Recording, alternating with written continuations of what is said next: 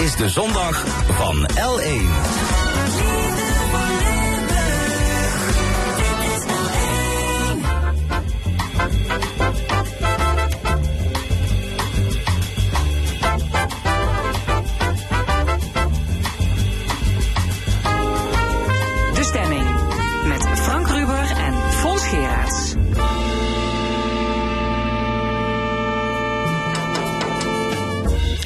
Welkom bij de stemming. Vandaag met de volgende onderwerpen. Wat is de beste plek voor de Einstein-telescoop? Om dat uit te vinden wordt er geboord in onze bodem.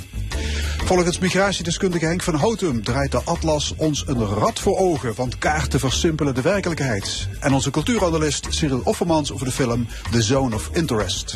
Ze haken bij bosjes af. Wethouders, wat maakt de functie zo zwaar en welke maatregelen zijn nodig om het werk te verlichten? Dat is het onderwerp in ons tweede uur. En dan nog een column van Hugo Luiten en het panel discussieert over actuele zaken. Tot één uur is dit de stemming.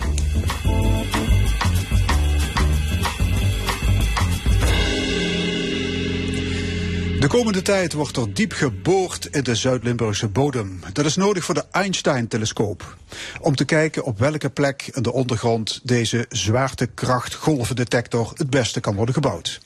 Maar of dit uh, top technologische instituut überhaupt hier wordt gerealiseerd is nog onzeker, want ook Sardinië is in de race. Over twee jaar valt de beslissing. We gaan erover praten met Wim Walk, technologiemanager van de Einstein-telescoop. En ook met Gideon Koekoek, theoretisch natuurkundige. Ja, goedemorgen. Goedemorgen. Uh, Gideon Koekoek, uh, in 2016 werd bekend dat Limburg uh, kans maakt op die Einstein-telescoop. Inmiddels is er ook steun vanuit België en Duitsland, Noord-Rijn-Westfalen.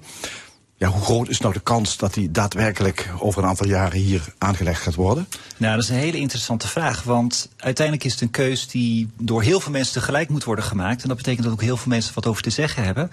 Um, waaronder dus de politiek, de Europese politiek. En die is redelijk grillig. Um, dus wij hebben een hele goede kandidatuur. Um, maar uiteindelijk moet de keuze wel gemaakt worden op een niveau waar wij er ook niet helemaal bij kunnen. Uh, dus wij zijn mee bezig met een bidboek te maken. We zeggen, dit is een goede plek om die en die en die reden. En wij hopen over twee jaar het antwoord te horen. Dus de kansen, ja, dat is uh, een beetje koffiedik kijken nog. Want het is ook, de, de politiek bepaalt het uiteindelijk. Ja, absoluut. Het is een, natuurlijk een heel groot project. Het is een project waar heel erg veel Europees geld mee gemoeid is. Dus uiteraard is dat een keuze die niet alleen bij de wetenschappers kan liggen. Ja, het is meer dan een miljard, geloof ik, hè? Ja, ja, ja het is uh, 2 miljard voor, 2 miljard de, voor, de, voor de kosten om een gebouw te krijgen. En daarna moet hij nog operationeel worden gehouden. Dat is een stuk minder geld. Maar dat zijn bedragen waarvan je niet kan zeggen van dat bepalen de wetenschappers uh, op één universiteit in Europa wel even. Dat moet Europees uh, politisch uh, besloten worden. Ja. En er zijn wat concurrenten, Sardinië. Oost-Duitsland, daar was ook nog iets. gaat dat nog door? In Saxe zou ook nog een plek zijn die in de race is? Ja, dat klopt inderdaad. Uh, de aanvankelijke twee kandidaten die overgebleven waren na een zoektocht van een aantal jaar zijn inderdaad Sardinië in Italië, het eiland, en deze regio. Uh, dus op het grensgebied van, uh, van België, Duitsland en Nederland. En inderdaad, sinds een paar jaar is ook Duitsland bezig met een kleine inhaalslag. En de hoofdkandidaten blijven op dit moment wel Sardinië en, en Nederland. nogmaals in de regio met Duitsland en, en, en België. Um, en Duitsland die doet ook echt mee aan deze regio. Dus in zoverre zijn het geen concurrenten. Er wordt gewoon gekeken of er een derde optie mogelijk is. En dat zou ergens een, een Saxe kunnen zijn. Ja. Waarom is Zuid-Limburg bij uitstek zo geschikt? Of ja, Zuid-Limburg ook goed aangrenzende hmm. Duitsland en België? Nou, dat heeft met een aantal dingen te maken. Uh, ten eerste gewoon met de infrastructuur. He, ik bedoel, het is een heel groot apparaat waar je expertise van heel erg veel verschillende mensen nodig hebt. Waaronder natuurlijk de natuurkundigen, maar ook de geologen. En het heeft een, een bepaald uh, sociaal-economisch uh, gevolg. En ja, dat is dan is uh, Zuid-Nederland, uh, België, Duitsland is een hele geschikte plek. Omdat hier die infrastructuur uh, aanwezig is. De kennisinstituten, de, de universiteiten. Ja, absoluut. Ja. We hebben in een straal van 100 kilometer hebben echt een aantal van de grote topinstituten voor industrie, technologie en wetenschap om de hoek. In alle drie de landen die we nu noemen. En dit is allemaal op een kluitje, die werken allemaal samen. Dus dat is heel gunstig. En daarnaast een geologische reden. Namelijk dat de grond waarin de Einstein-telescoop gebouwd moet worden, moet wel van het juiste type zijn. En ja, dat, dat bepaal je als mensheid niet. Dat heeft de natuur voor je neergelegd. En ja, dan blijkt deze regio heel erg geschikt te zijn. Ja, we gaan zo meteen even kijken. Over die grond gaan we zo meteen verder. Maar misschien toch even uitleggen, want als je hoort Einstein-telescoop, mensen ja. die er nog nooit van gehoord hebben. Je denkt meteen aan een enorme telescoop boven de grond. Maar het tegendeel is waar. Het gaat inderdaad, dat ding komt onder de grond te liggen. Ja, dat hoe, hoe gaat dat eruit zien? Is dat Ja. uit te leggen? Ja, dat is wel uit te leggen. Eh, de- kijk, het woordje telescoop inderdaad, dat roept het idee op van dat er een buis is met een paar lenzen en die moet je omhoog steken richting de hemel. En er moet vooral niks tussen zitten. Daarom bouw je normaal gesproken een telescoop op een berg of in een baan rond de aarde of zo, zoals de James Webb of de Hubble-telescoop. Ehm, maar dit is een ander type telescoop, want hij meet geen licht. Hij meet trillingen van het universum zelf. En aangezien die trillingen overal doorheen gaan, gaan ze ook gewoon door het aardoppervlak heen. Dus je kan hem prima onder de grond bouwen. Sterker nog, het is zelfs gunstig, want de trillingen die je niet wil meten, eh, mensen, auto's, et cetera, onder de grond heb je daar geen last van. Die worden weggefilterd. Ja, dat zijn lange buizen, hè, 10 kilometer lang. Het is een driehoek, wordt het. Ja, klopt. Het zijn drie buizen van 10 kilometer lang in een driehoeksvorm. Dat is een van de, de, de, de constructen waarnaar gekeken wordt om een gebouw te krijgen. Ja, en de bedoeling is om daar trillingen Ja. mee te eh, meten. Zwaartekrachtgolven, mag ik dat zeggen? Ja, dat is helemaal correct. Ja. En dat, dat is iets wat we nu nog niet kunnen. Ja, dat kunnen we wel. Ja, ja zeker. Eh, even kleine geschiedenis. Einstein voorspelde deze trillingen al. Dat is Eh, de relativiteitstheorie. ja, exact. De relativiteitstheorie, de grote theorie van Einstein over eh, ja, de, de vorm van het universum, die voorspelt dat het universum kan trillen. En die voorspelling die deed hij al eh, meer dan 100 jaar geleden. Nou, inmiddels zijn die golven al lang en breed gemeten. Sterker nog, we hebben een stuk of 100 gemeten met de huidige detectoren die al bestaan in de wereld. Maar de Einstein-telescoop is gewoon de volgende stap in die evolutie. Namelijk dat apparaat gaat veel en veel en veel meer van hetzelfde effect meten.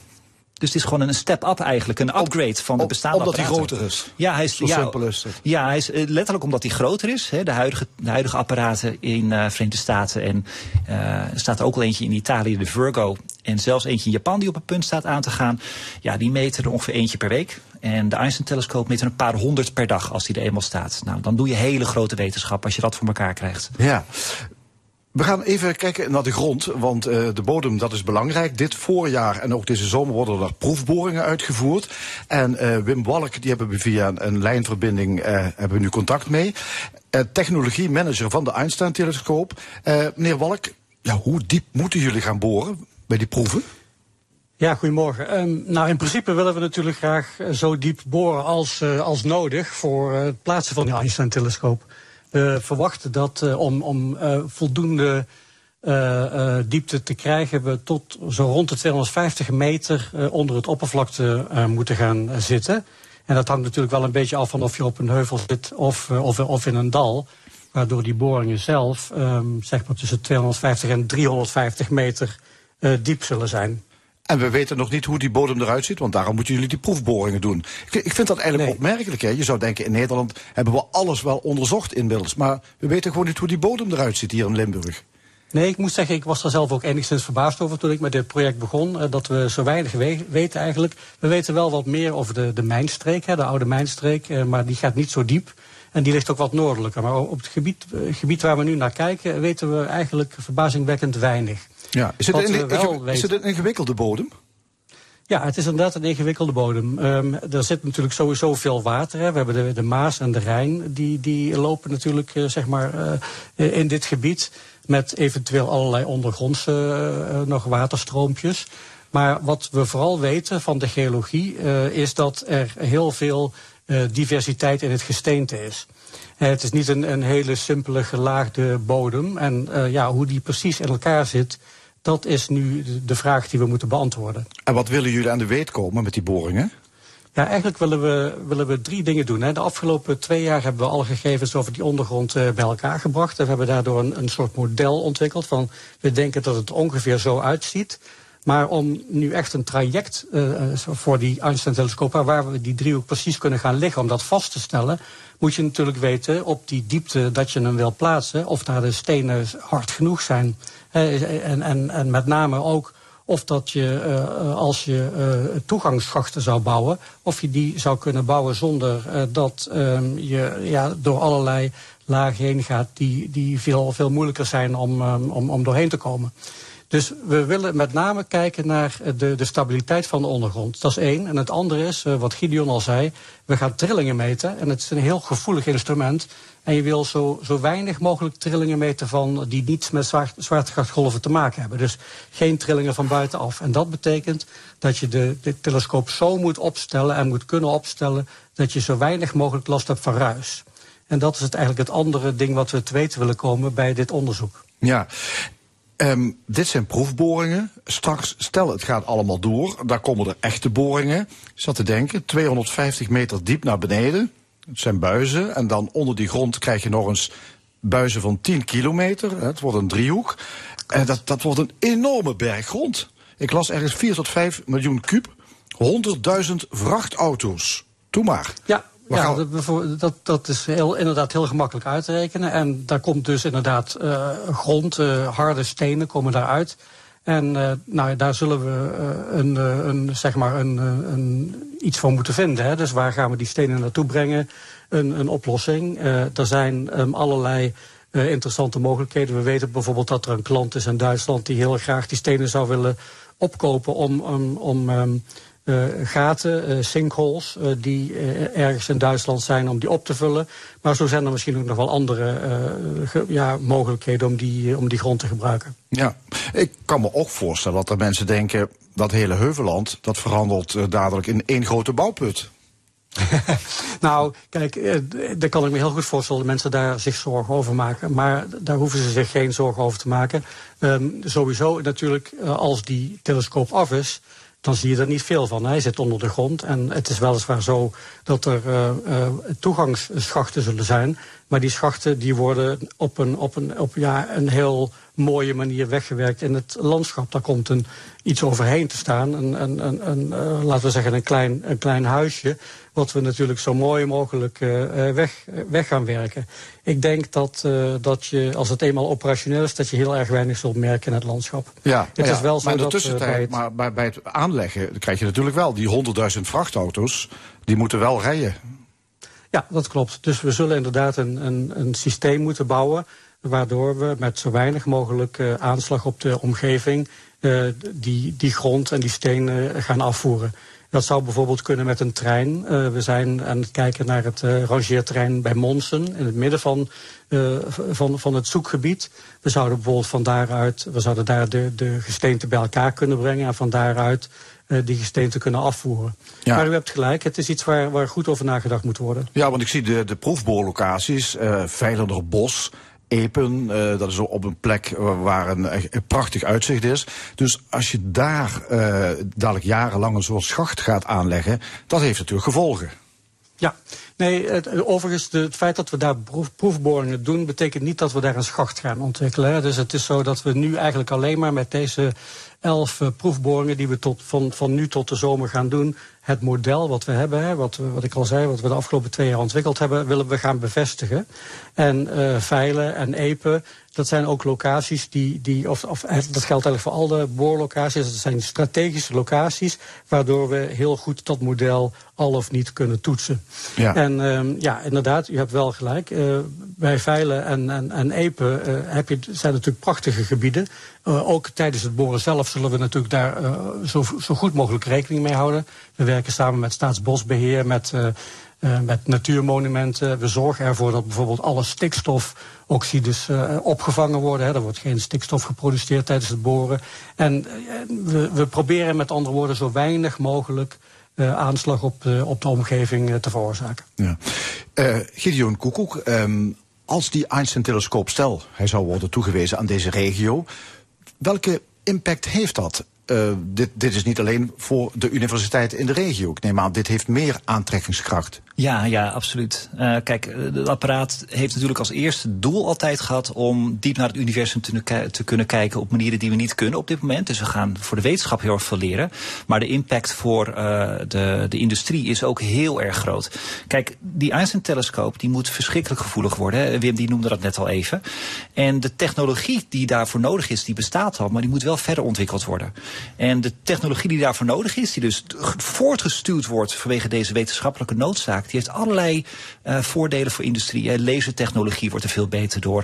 Uh, cryogene te technologie wordt er beter door. Informatieverwerking wordt er beter door. Um, het is dan ook geen wonder dat die Einstein-telescoop ook echt gesteund wordt vanuit de industrie. En dat zijn niet mensen die die wetenschap interessant vinden. Die denken, nou die betere laser kunnen wij ook gebruiken. En betere computersystemen, die zijn ook voor ons heel erg nuttig. Ja, het is wetenschappelijk interessant, maar ook commercieel straks kan dat wel gevolgen hebben. Ja. Absoluut. Ja, ja. En dat betekent veel mensen hier naartoe. Hè? Hoeveel wetenschappers zou dit aantrekken? Hebben we daar enig idee van? Ja, ja, ja, dat zit in de orde van grootte van, uh, van duizenden ongeveer. Overigens zijn het niet alleen duizenden? maar. Ja, ja, maar dat zijn niet alleen maar wetenschappers. Hè. Dat, dat zijn niet alleen maar mensen die die berekeningen doen. Dat zijn dus ook de mensen die zich bezighouden met het ontwikkelen van technologie. Het apparaat moet zelf gebouwd worden. En natuurlijk heel erg veel uh, aantrekking voor uh, studenten en, en, en, en voor onze universiteit in de regio. Dat heeft ook sociaal-economisch een heel groot effect op de regio. Ja, ja, ook planologisch dergelijke. Ik bedoel, er, kan, er moet gebouwd gaan worden en dergelijke. Zeker, dus ja. dat heeft allemaal... ja, maar ook sociaal-economisch. Ik bedoel, het, het, feit dat er, dat er mensen hier naartoe komen en met een bepaalde achtergrond, dat, dat zie je gewoon letterlijk terug in hoe de lokale economie erop gaat draaien. En dat is eerder voorgerekend door een aantal planbureaus. En dan blijkt dat voor elke euro die je erin steekt, dat er zo drie, vier euro terugvloeit uh, de lokale uh, regio in. Ja, ook de, ook de bakker heeft er iets aan. Exact, ja, ja, ja, precies. Ja. Uh, er staat op dit moment een proefopstelling van die Einstein-telescoop in Maastricht. Hè, in ja. een gebouw dat je langs de, de snelweg ziet als je de, de Kennedybrug overrijdt. Uh, en er is een onderwijscentrum over de Einstein-telescoop in Kerkrade. Ja, dat klopt. Uh, die, die, die proefopstelling die is geloof ik voor de wetenschap. Hè? Ja. Dat was meer dan gewoon een maquette. Ja, dat is veel meer. Ik noemde net al even, de moet, technologie moet verder ontwikkeld worden. Dat is dus nogmaals waar we in de industrie en de technologie in de samenleving veel aan gaan hebben. Maar het moet wel alvast gedaan worden. Want als die grote Einstein-telescoop strak ergens komt, dan wil je wel weten dat alles werkt. Dus daarom dat we nu al een paar jaar bezig zijn met inderdaad bij de Kennedybrug de Einstein-telescoop in het klein voor te bouwen.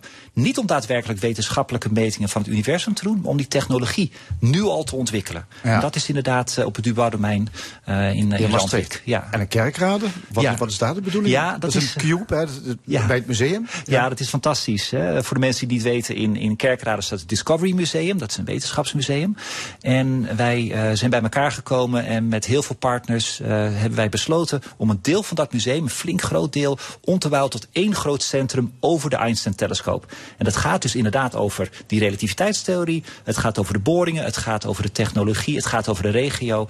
En uh, daar zijn we hard aan het bouwen om dat voor elkaar te krijgen. Het Einstein Telescope Education Center noemen okay. we dat. Ook mensen die denken, ik snap er niks van. Als ze daar naar buiten komen, dan begrijpen ze. Daar is het precies voor bedoeld. Wij willen graag dat iedereen begrijpt wat zijn we aan het doen en waarom hebben we er zoveel aan met elkaar. En dat willen wij daar in dat centrum uh, aan iedereen gaan vertellen. Ja, tot slot de hamvraag. Wanneer draait de Einstein-telescoop? 2035 zou die operationeel moeten zijn. Oké, okay, we noteren het, hè? Ja, zeker, absoluut. Ja, dankjewel. Uh, Wim Walk en Gideon Koekoek. Dank u wel. Graag gedaan. Dag. Zometeen gaan we het hebben over de atlas. Waarom kaarten niet de werkelijkheid weergeven, maar de boel versimpelen. En daarover politiek geograaf Henk van Houtum. Hij schreef er een boek over. Maar eerst de Amerikaanse blueszanger en gitarist J.B. Lenoir. Alabama Blues.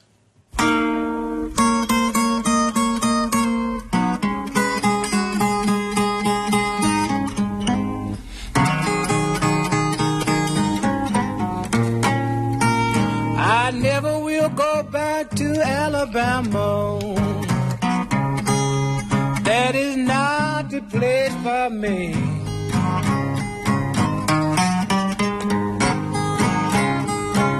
I never will go back to Alabama.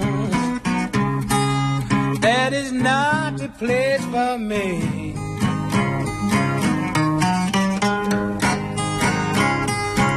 You know they killed my sister and my brother.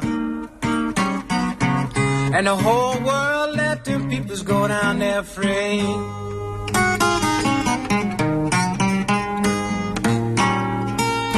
I never will love Alabama. Alabama seem to never have love for me.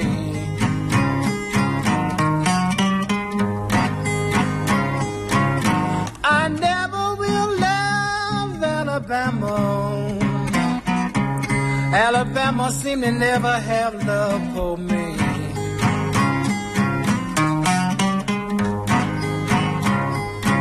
Oh God, I wish you would rise up one day. Lead my peoples to the land of peace.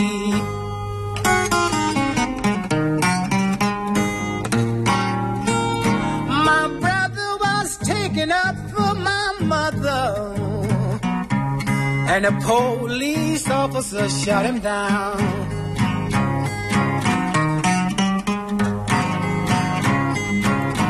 My brother was taken up for my mother,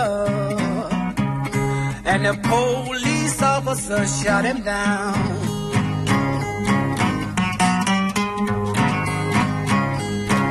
I can't help but to sit down and cry sometimes.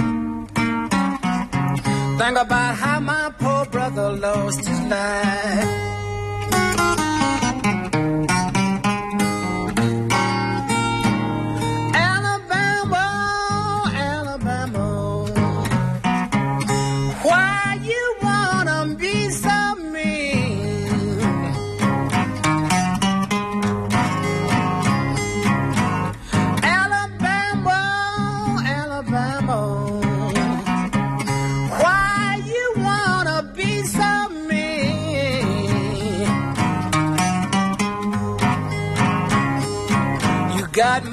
People behind the barbed fence.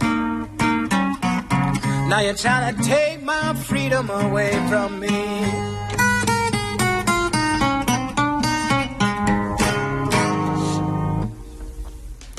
G.B. Lenoir met de Alabama Blues. Dit is L1 met de stemming. Hij staat in zowat iedere huiskamer en elke generatie groeit ermee op. Op school is het vaste prik in de aardrijkskundeles. Ik heb het over de atlas. En weinigen hebben daar ooit vraagtekens bij geplaatst. Dat doet wel migratiedeskundige Henk van Houten. Hij vindt landkaarten niet objectief. Het is een erg eenzijdig verhaal, een versimpeling van de werkelijkheid. En daarom wil deze wetenschapper de kaart bevrijden. En dat is ook de titel van zijn zo pas verschenen boek Free the Map. Bij ons hoogleraar politieke geografie Henk van Houten. Meneer Van Houten, goedemorgen. Goedemorgen. Ja, ik hoor menige luisteraar denken, je kunt tegenwoordig ook niks meer vertrouwen. Nu ligt zelfs de atlas voor de loop. ja, ik weet niet of dat meteen doorgetrokken wordt naar alle onderwerpen, maar als het gaat om de kaart, ehm, is het niet zo dat, dat er een objectieve kaart bestaat. Eh, er is geen objectieve of neutrale kaart. Dat is overigens geen geheim, dat wisten, dat wisten de eerste kaartenmakers al. Eh, de, de eerste kaartenmaker was, was, die we nog steeds gebruiken, is Mercator. Hè? En, eh, dat is, die, die, die noemen het al een voorstelling van de werkelijkheid. Een voorstelling van de wereld. Maar wanneer kreeg u, laat ik zeggen, dubbele gevoelens over de atlas? In de zin van, ja, daar kloppen gewoon dingen niet. Ja, Ik, ik heb een heel ambivalent gevoel met de atlas. Ik ben er ook mee opgegroeid, wie niet. Ook in Nederland en alle andere, andere landen hebben natuurlijk hetzelfde. Een equivalent van de Nederlandse bosatlas. En ik heb een heel dubbel gevoel, omdat het, ik, ik hou enorm van het bekijken van die kaarten. Het, het, leidt tot, ja, tot een verbeelde werkelijkheid. Je gaat je, gaat je iets voorstellen van Ja. hoe de wereld er daar zou uit kunnen Deed u uitzien. dat misschien ook al als jong manneke? Als jong ik In de ja. atlas Ja, bladeren zeker. op zoek naar exotische Ja, bestemmingen? zeker. En ik denk dat meniging dat wel doet. Van hoe ziet het eruit? En, en, en dan ga je dan dingen bij voorstellen. Tegelijkertijd ook een, een, een wat, eh, eh, wat negatief gevoel altijd bij de atlas. Van ja, waar, waar zijn de mensen eigenlijk? Waar zijn de gevoelens? Waar zijn die gevoelens precies? Waar is die beleving? En waarom wordt altijd alleen maar de. Waarom word ik teruggebracht gebracht tot een een stipje op de kaart? Of waarom is mijn stad in één keer een vierkantje? Ik, zo herken ik toch mijn stad niet. Het is een versimpeling die ook iets, ja, waar ook iets door verloren gaat. Dat vind ik altijd wel jammer van de atlas. U zei net dat eh, Gerardus Mercator, dat is de uitvinder van de atlas, zou je kunnen zeggen. een Vlaming, leefde in de 16e eeuw. Hoe wist hij hoe de wereld eruit zag eigenlijk? Dat was van verhalen. eh, echt van reisverhalen. Eh, en eh, dus wat, wat mensen terugbrachten van, van de zeevaart. Zo werden in die tijd landkaarten gemaakt natuurlijk. Ja. En dat is nu wel veranderd uiteraard. Maar die tijd was, was men heel erg afhankelijk, afhankelijk van verhalen. En een kaart was dan ook een verhaal. Was echt een, bijna een, een optekening van al die reisverhalen. Was op zich ook weer een verhaal. Zo moet je het ook denk ik lezen. Ja, het was de tijd van de ontdekkingsreizen, de wereldhandel kwam op gang. Dus er was ook behoefte aan betrouwbare kaarten. Zeker. Puur, ja. voor de navigatie eigenlijk. Voor de navigatie, Om- maar hoe komen we in West-Indië? Je, je mag denk ik ook wel iets scherper zijn, wel kritischer zijn. Want zijn kaart was, was hij noemde de kaart een, eh, een, eh, een, een, een beeld van de werkelijkheid. eh, zoals we die nu kennen. En van de nog onbekende gebieden. En deze kaart, was zijn ondertitel ook, was bedoeld voor de navigatie. de, de, de handelsvaart, maar lees ook vooral koloniale vaart in die tijd, 16e eeuw. Dus de kaart was ook echt bedoeld om gebieden te ontdekken. Lees veroveren natuurlijk. Dus Ja. in de- een Mercatorkaart is in die zin ook een koloniale kaart. Ja. Ja, uiteindelijk is de landkaart gemeengoed geworden. Maar u zegt in uw boek, het is een versimpelde afbeelding van de dynamische en multidimensionele werkelijkheid. Wat bedoelt u precies? Het is onherroepelijk zo dat iedere kaart dat is. Uh, geen enkele kaart kan de totale werkelijkheid bevatten. Uh, de, de wereld is niet terug te brengen uh, naar een tweedimensionaal vlak. Alleen al gaat het van een driedimensie, die de werkelijkheid is, naar twee dimensie op een plat vlak, gaat het al mis.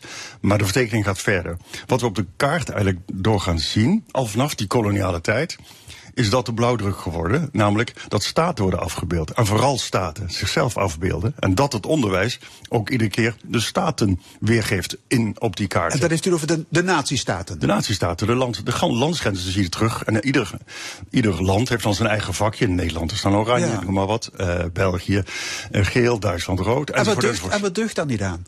Dat is op zich niks mis mee. Um, je mag nog steeds de staat afbeelden, maar zeg niet dat dat de werkelijkheid is.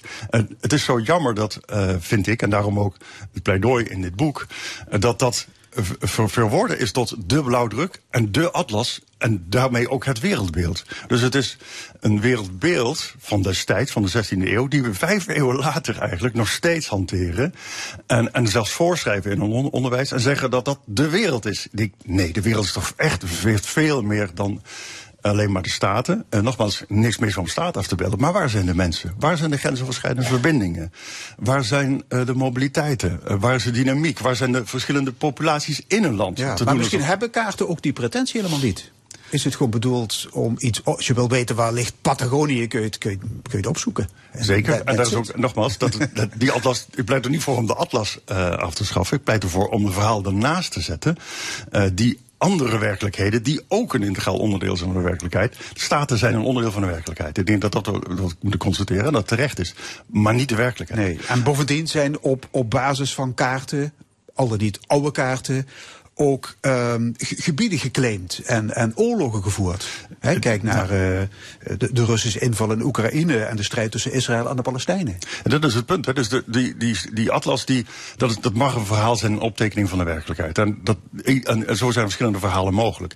Maar dit verhaal is dominant geworden, is een hegemonisch geworden, dus het is echt dominant geworden. Het is het enige verhaal in ons onderwijs, in commerciële kaarten uh, en in de politiek, et cetera. Is dat de kaart geworden, de atlas en dat is niet een wereldbeeld van, uh, van de werkelijkheid zelf, maar dat wordt ook een werkelijkheid daarmee. Omdat het ook de werkelijkheid gaat voeden. Mensen gaan zich gedragen naar die kaarten. Ja, trouwens, de atlas die ze in pakweg uh, Argentinië of in India gebruiken, is dat een andere dan de onze?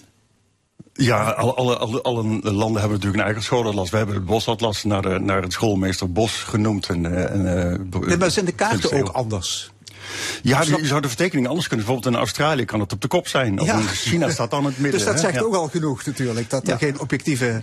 Nee, en in Europa staat meestal Europa het midden sinds de 16e eeuw van de koloniale tijd. Uh, en dus dit, gaat, dit, dit is echt een positief pleidooi, dit boek. Om, omdat ik ook een enorme liefhebber ben van kaarten, van cartografie.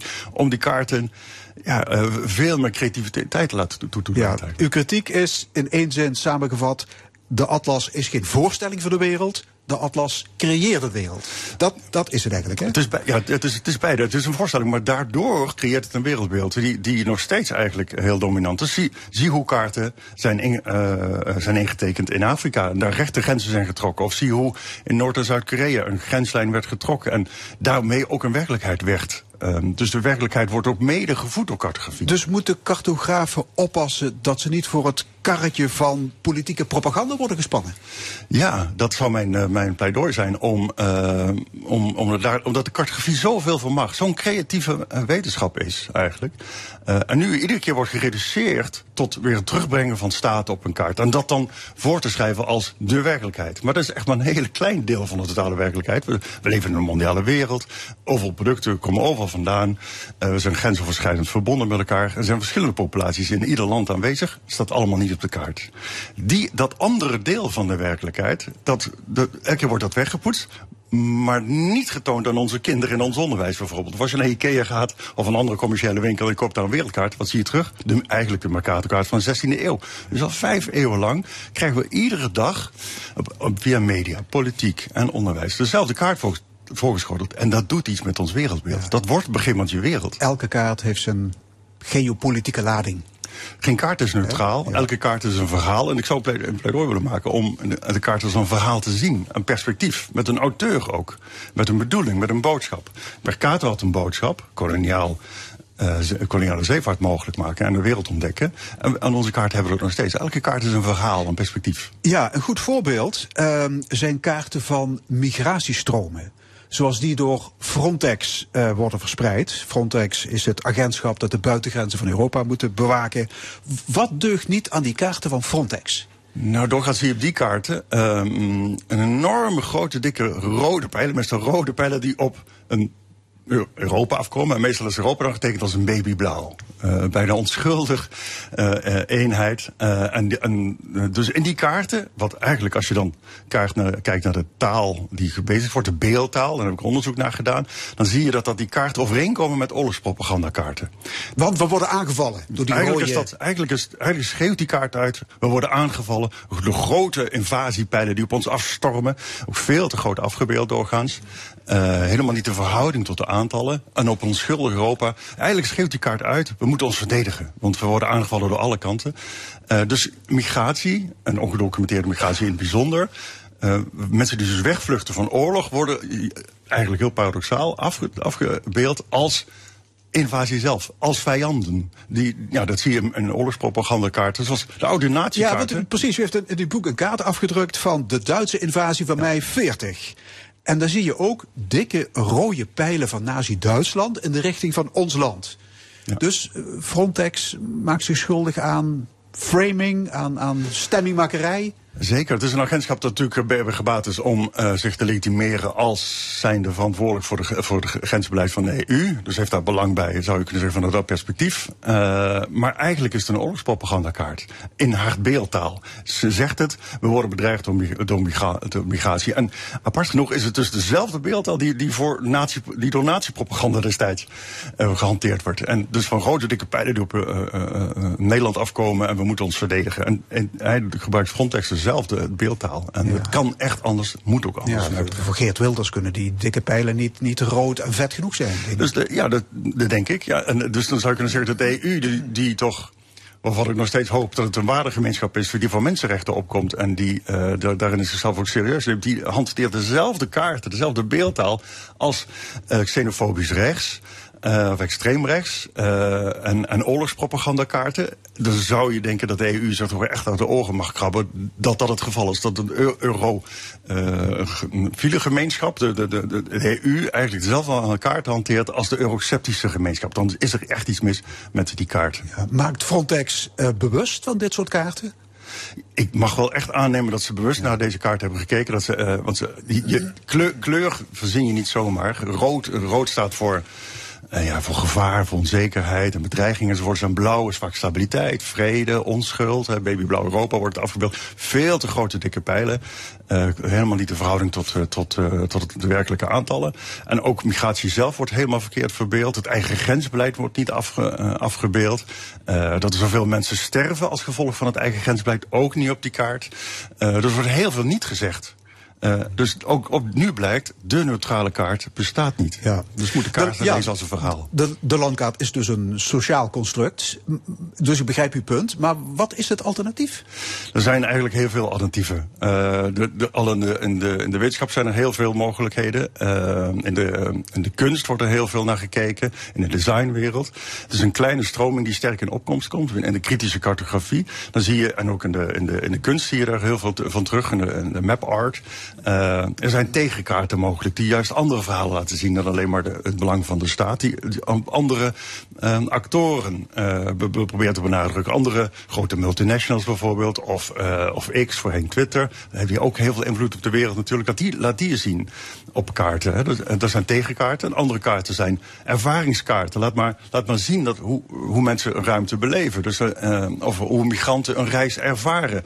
Nou, op Frontex-kaarten zijn ze een kleine pixel in die grote dikke Maar hoe ziet die reis er werkelijk uit? Wat, waar worden we belemmerd? En daar zit EU-grensbeleid immers in. Um, en tenslotte zou je verbindingskaarten kunnen laten zien. Er zijn ook heel veel voorbeelden van. van nou, laat maar zien dat de wereld ook echt van elkaar verbonden is. Uh, en dat geen land autarkisch is. Uh, en, en, uh, en ook niet kan zijn. Dus we zijn met elkaar verbonden. We zijn geïnternationaliseerd. laat ook dat zien op kaarten. dus er ja, zijn een tal van mogelijkheden. Dat wordt een atlas met, met kaarten en, en tekst en uitleg en, en noem maar op. Ja, At, dus, atlas 2.0. ja, de- de- daarom maak ik een knipoog terug naar eh, Gerardus Mercator, die, die u noemde, eh, de 16e eeuw. Eh, hij noemde zijn kaartenverzameling een atlas, naar de god Atlas. Die vond hij van een interessante figuur, eh, die de, de- het hemelgewelf torste op zijn rug. Hè. En dat figuur, die figuur kennen we nog, maar dat was natuurlijk gewoon maar een verzonnen naam. En mijn pleidooi is van, misschien moeten we na vijf eeuwen dominantie van die statenkaarten, eh, misschien naar een ander figuur toe. En mijn voorstel zou zijn om naar de kleinzoon van Atlas te gaan, de god Hermes. Eh, die de, de boodschapper is en was van de verbinding. En van de verbinding tussen mensen, van het tussengebied, van het niet per se afgrensbare eh, en het verknopen van relaties. Dus mijn pleidooi zou, zijn om naast de Atlas misschien de Hermes verder te gaan ontwikkelen. Als een knipoog terug naar eh, Mercator. Ja, vandaar ook de titel van die boek, Free the Map. Ehm, ja, een pleidooi om de kaart te bevrijden. Maar we hoeven niet ehm, de, de, de, de bosatlas op de middelbare school te cancelen. Nee, zeker niet. Nee, zeker niet. Prachtige atlas. Ik geniet er nog steeds heel veel van. Eh, eh, ik heb ook mijn kinderen daar natuurlijk in, in, in meegenomen. En die hebben er ook heel veel van genoten. Ik heb eh, een atlas daarin ook thuis. Maar het zou mooi zijn als er ook in het onderwijs ook aandacht veel meer zou zijn voor die bos, naast, naast de bosatlas. Voor ook de verbinding op de wereld. Want nu voed je eigenlijk vanaf heel jongs af aan eigenlijk al het idee dat Nederland een apart land is. En België een apart land is. En Duitsland een apart land. En dat is zwaar. Het zijn staten. Maar de andere deel van de werkelijkheid laat je iedere keer niet zien. De, die verbonden wereld die, die, die, er ook is. Grensoverschrijdende relaties enzovoort. Ehm, dus je voedt eigenlijk vanaf jongs af aan al een wij-zij-denken. Wat je later misschien wel weer af wil leren in het onderwijs. Dat is bij- tamelijk paradoxaal. Ja. Eh, ja, er worden tegenwoordig veel dingen tegen het licht gehouden. Is in die zin uw boek, Free the Map, ook een soort wokeboek?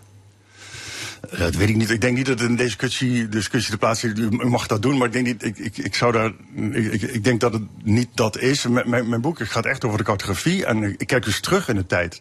En waar het begonnen is, de, de, de, de, de cartografie van Mercator. En ik, en ik constateer dat al vijf eeuwen lang eigenlijk dezelfde soort van kaarten iedere keer weer terugkomen en dominant zijn. En, dat, en wat, wat voor impact heeft op, eh, op ons denken en op, Ja. op onze, onze, onze, onze wereld van vandaag. En hoe dat heeft doorgewerkt. En dat is eigenlijk gigantisch. En vandaar uw appel aan het onderwijs om dat, om dat anders te doen. Zeker. Het is een eh Engelstalig boek ehm, met eh, speciale zorg voor, voor de vormgeving. Het ziet Ja. er piekfijn uit. Ja, dank daarvoor. Met alle credits gaan voor naar de, de, de vormforensen, die, de, de boekontwerpers, waarmee ik eh, heb samen kunnen werken. De vormforensen. De vormforensen, een hele eh, eh, creatief eh, jong bureau dat, eh, dat eh, eh, innovatief aan het werk is gegaan met de vormgeving zelf. Om, juist ook omdat de, de kaart dat vraagt. En, en het gaat heel erg om de beeldvorm in cartografie immers. En wat dat doet met mensen. Dus het is ook echt nodig om een heel andere vorm eh, te, aan te leren. Nou, daar, daar hebben zij denk ik een prachtig boek van gemaakt. En komt er nog een Nederlandse vertaling? Nee, we proberen, dat zou kunnen, maar we proberen in eerste instantie, instantie ook echt eh, de, te ontsluiten. Eh, dus de- niet meteen al grenzen aan te leggen, ook al in het taalgebruik. Maar bij populariteit zouden we misschien dat kunnen overwegen. ja. Oké, Free the Map ligt in de winkel. Henk van Houtem, hoogleraar politieke geografie aan de Radboud Universiteit van Nijmegen. Hartelijk dank. Graag gedaan. En dit is L1 met De Stemming, elke zondag over politiek, cultuur en samenleving. Zometeen cultuuranalist Cyril Offermans over de film The Zone of Interest. Maar eerst Bessie Banks met Go Now. We've already said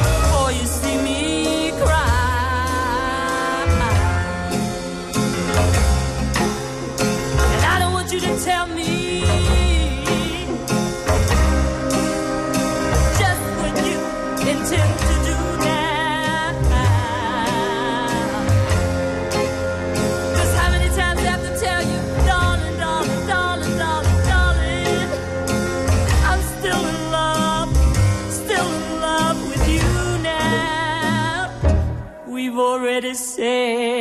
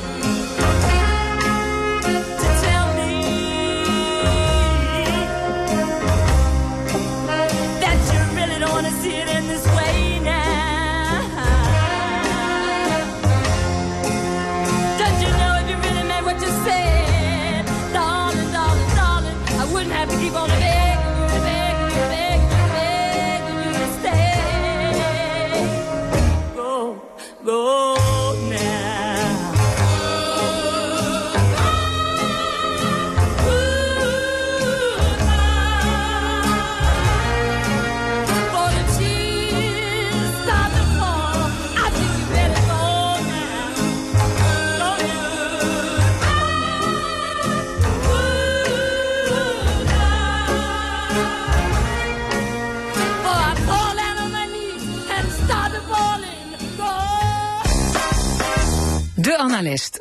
Vandaag onze cultuuranalist Cyril Offermans. Dag Cyril. Dag jongens. Ehm, ja, ik had het al verklapt. Eh, jij gaat het hebben over de film The Zone of Interest. Ja. Ik denk dat weinig mensen eh, het ontgaan is dat die film eh, draait op dit moment. Ehm, maar toch even maar uitleggen. Het is een film over Auschwitz en eigenlijk ook weer niet over Auschwitz. Een film die zich afspeelt letterlijk naast concentratiekamp eh, Auschwitz. Ehm, misschien even uitleggen, wie heeft de film gemaakt? Een Brit, Jonathan Glazer heet hij. Dan zou je denken het zal wel een Engelstalige film zijn, maar dat is dus niet het geval. Het is gewoon Duitsstalig met Duitse acteurs, actrices. En ehm, alles is eigenlijk Duits aan die film. Dat hoort natuurlijk ook zo. Ja, en de hoofdpersoon is ook een Duitse actrice. Ja. eh, en dat is Nou, niet de minste, hè? Ja, eh, ja, goed. Er zijn natuurlijk een paar eh, hoofdpersonen. Rudolf Huss, degene om wie het allemaal draait, eh, die was kampcommandant destijds in Auschwitz. Ehm, en die woonde dus pal naast het kamp. En zijn vrouw, Sandra Huder, speelt die vrouw van hem. Die, ehm, ja, die is natuurlijk ook eh, van, heel, van heel groot belang in dit geval. Maar misschien is het ehm Ja, nuttig om eerst... leg eerst, eerst even uit wat, wat, wat, wat voor soort film het is. Wat, Ja, wat, wat we precies. zien. Ja. Kijk, het is, ehm, het is absoluut. Het, het heet officieel speelfilm, maar dat is eigenlijk een verkeerde benaming. Ehm, het, er zit bijvoorbeeld geen verhaal in die film. Het zijn fragmenten die iets met het dagelijks leven te maken hebben van mensen die naast dat kamp wonen en daar natuurlijk ook mee te maken hebben. Het is ook ehm, een film die het eh, moet stellen ehm, zonder muziek. Ehm, bij de opnames is ook geen gebruik gemaakt van kunstlicht. Alle, de regisseur heeft er eigenlijk alles aan gedaan om er een soort documentair uiterlijk aan te geven. En om alles wat er aan gespeeld wordt, zoveel mogelijk te, ehm, ja, te verbloemen, te negeren. En ehm, het is ook zo dat als de film begint, dan ehm, het begint eigenlijk zoals een film dat nooit, zo ik nooit gezien heb hoe een film begint.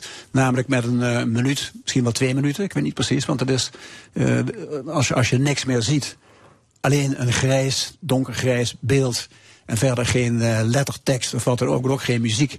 Wel een soort donker, onidentificeerbaar geluid, een soort golvend, zwaar, somber klinkend geluid, maar muziek kun je het eigenlijk niet noemen. Ik zou ook niet weten in welke termen dat zou moeten gebeuren. Je kijkt dus één of twee minuten, denk ik ongeveer, tegen een grijs, rechthoekig beeld aan. Dat is een, je ondergaat als kijker dus al meteen een zekere afstand, dat je je afvraagt wat gebeurt daar. Je zou ook kunnen zeggen, dat is een riet de passage, zoals dat tegenwoordig in de literatuurwetenschap ook vaak eh, genoemd wordt. Als je een andere werkelijkheid ingaat dan de werkelijkheid waaruit je zelf voortkomt. Je moet je aanpassen, je moet je geestelijk voorbereiden op een totaal andere realiteit. Ja. Dat wordt van de kijker dus ook verlangd. Ja, werkt, werkte dat voor jou? Dat werkte wel degelijk. Want je, je, je, raakt, eh, ja, je raakt los van, je, van alles wat je op dat moment in je hoofd had. En je probeert je, ja, je, je weet niet wat je je moet voorstellen. Maar in ieder geval, de eerste beelden, die zijn dan ehm, ook van, je ziet dan in de vechten. Eh, iets in de natuur, een beek zie je in de verte, een riviertje. En dan zie je een stelletje mensen, een gezin, een familie, is niet, niet heel duidelijk. Die worden van ver af gefilmd en die zijn kennelijk een dagje uit. Ehm, en dan komt de camera langzaam dichterbij. En dan duurt het heel lang voordat je een beetje grip, krijgt op wat er, wat er zich daar afspeelt. En zeker ook op de mensen die, die daar zijn. Ik denk dat heel veel mensen die niet van tevoren gelezen of gehoord hebben waar die film over gaat. eh, en die ook niet, laat ik maar zeggen, het historisch bewustzijn hebben van wat Auschwitz allemaal betekent. Dat die zich al heel gauw vervelen en niet goed weten waar het over, wat, waar kijk ik eigenlijk naar. Naast mij in de bioscoop zaten twee mensen die eh, zelfs met bier, weet je wel, in sommige bioscopen mag dat nog altijd, dat je bierflessen mee naar binnen neemt. En die, had- die dachten een dagje uit te hebben. En die zetten die bierflessen naast zo'n uitklaptafeltje eh, naast mij. En ik erger me daar sowieso wel altijd kapot aan. Al die mensen die zitten te eten in de film en die ook een mond niet kunnen houden. Maar die mensen die stapten na een kwartier, twintig minuten op, pakten hun flessen op. en wup, wup, wup, wup, Langs mij naar buiten. Ja, Nou, die hebben dus ook helemaal niet in de smiezen wat er eigenlijk te zien was. Die, vonden, het, die vonden dat saaie beelden. Het zijn ook saaie beelden. Ja, die dachten bij een spannende oorlogsfilm terecht te komen. Zo maar is het was het. dus anders. Want Ja. wat, eh, wat is het. Wat, wat, wat, wat zien wij? Waar gaat de film over? Je ziet een eh saai gezin. ehm, een, eh, wa- waarin wa- daar spreekt geen enkele liefde onderling in het, eh, tussen die verschillende gezinsleden. Eh, Er, er is een jongetje, die zie je spelen in zijn eentje altijd. Die moet zich maar zien te amuseren. Je ziet een man die voortdurend eh, aan de telefoon zit en die dan dingen vertelt waar je ook niet goed van begrijpt waar het over gaat. Totdat je op een gegeven moment wel begrijpt waar het over gaat. Hij heeft het namelijk met zijn meerdere over een nieuw formaat ovens die beter werken en die meer stuks, noemen ze het, kunnen verwerken eh, dan, do- dan tot dan toe gebruikelijk was. Dus dan, dan begrijp je wel waar het over gaat.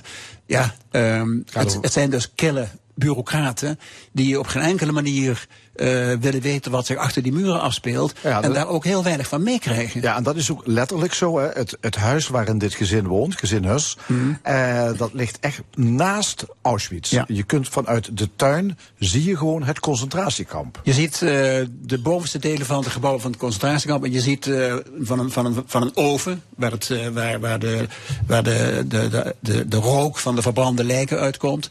Eh, dat kun je net zien. Maar dat zie je maar heel af en toe. Dat, is maar heel, dat wordt heel sporadisch, toevallig eigenlijk alleen maar in beeld gebracht. Want die mensen letten daar niet op. Die willen dat juist niet zien. Want die muur, die die scheidingsmuur is tussen hun eigen tuin en Auschwitz.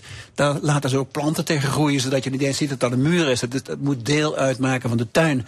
En die vrouw, die dus door Sandra Hüller gespeeld wordt, dat is een, dat is een kille, eh, afstotelijke vrouw. Waar geen enkele vorm van.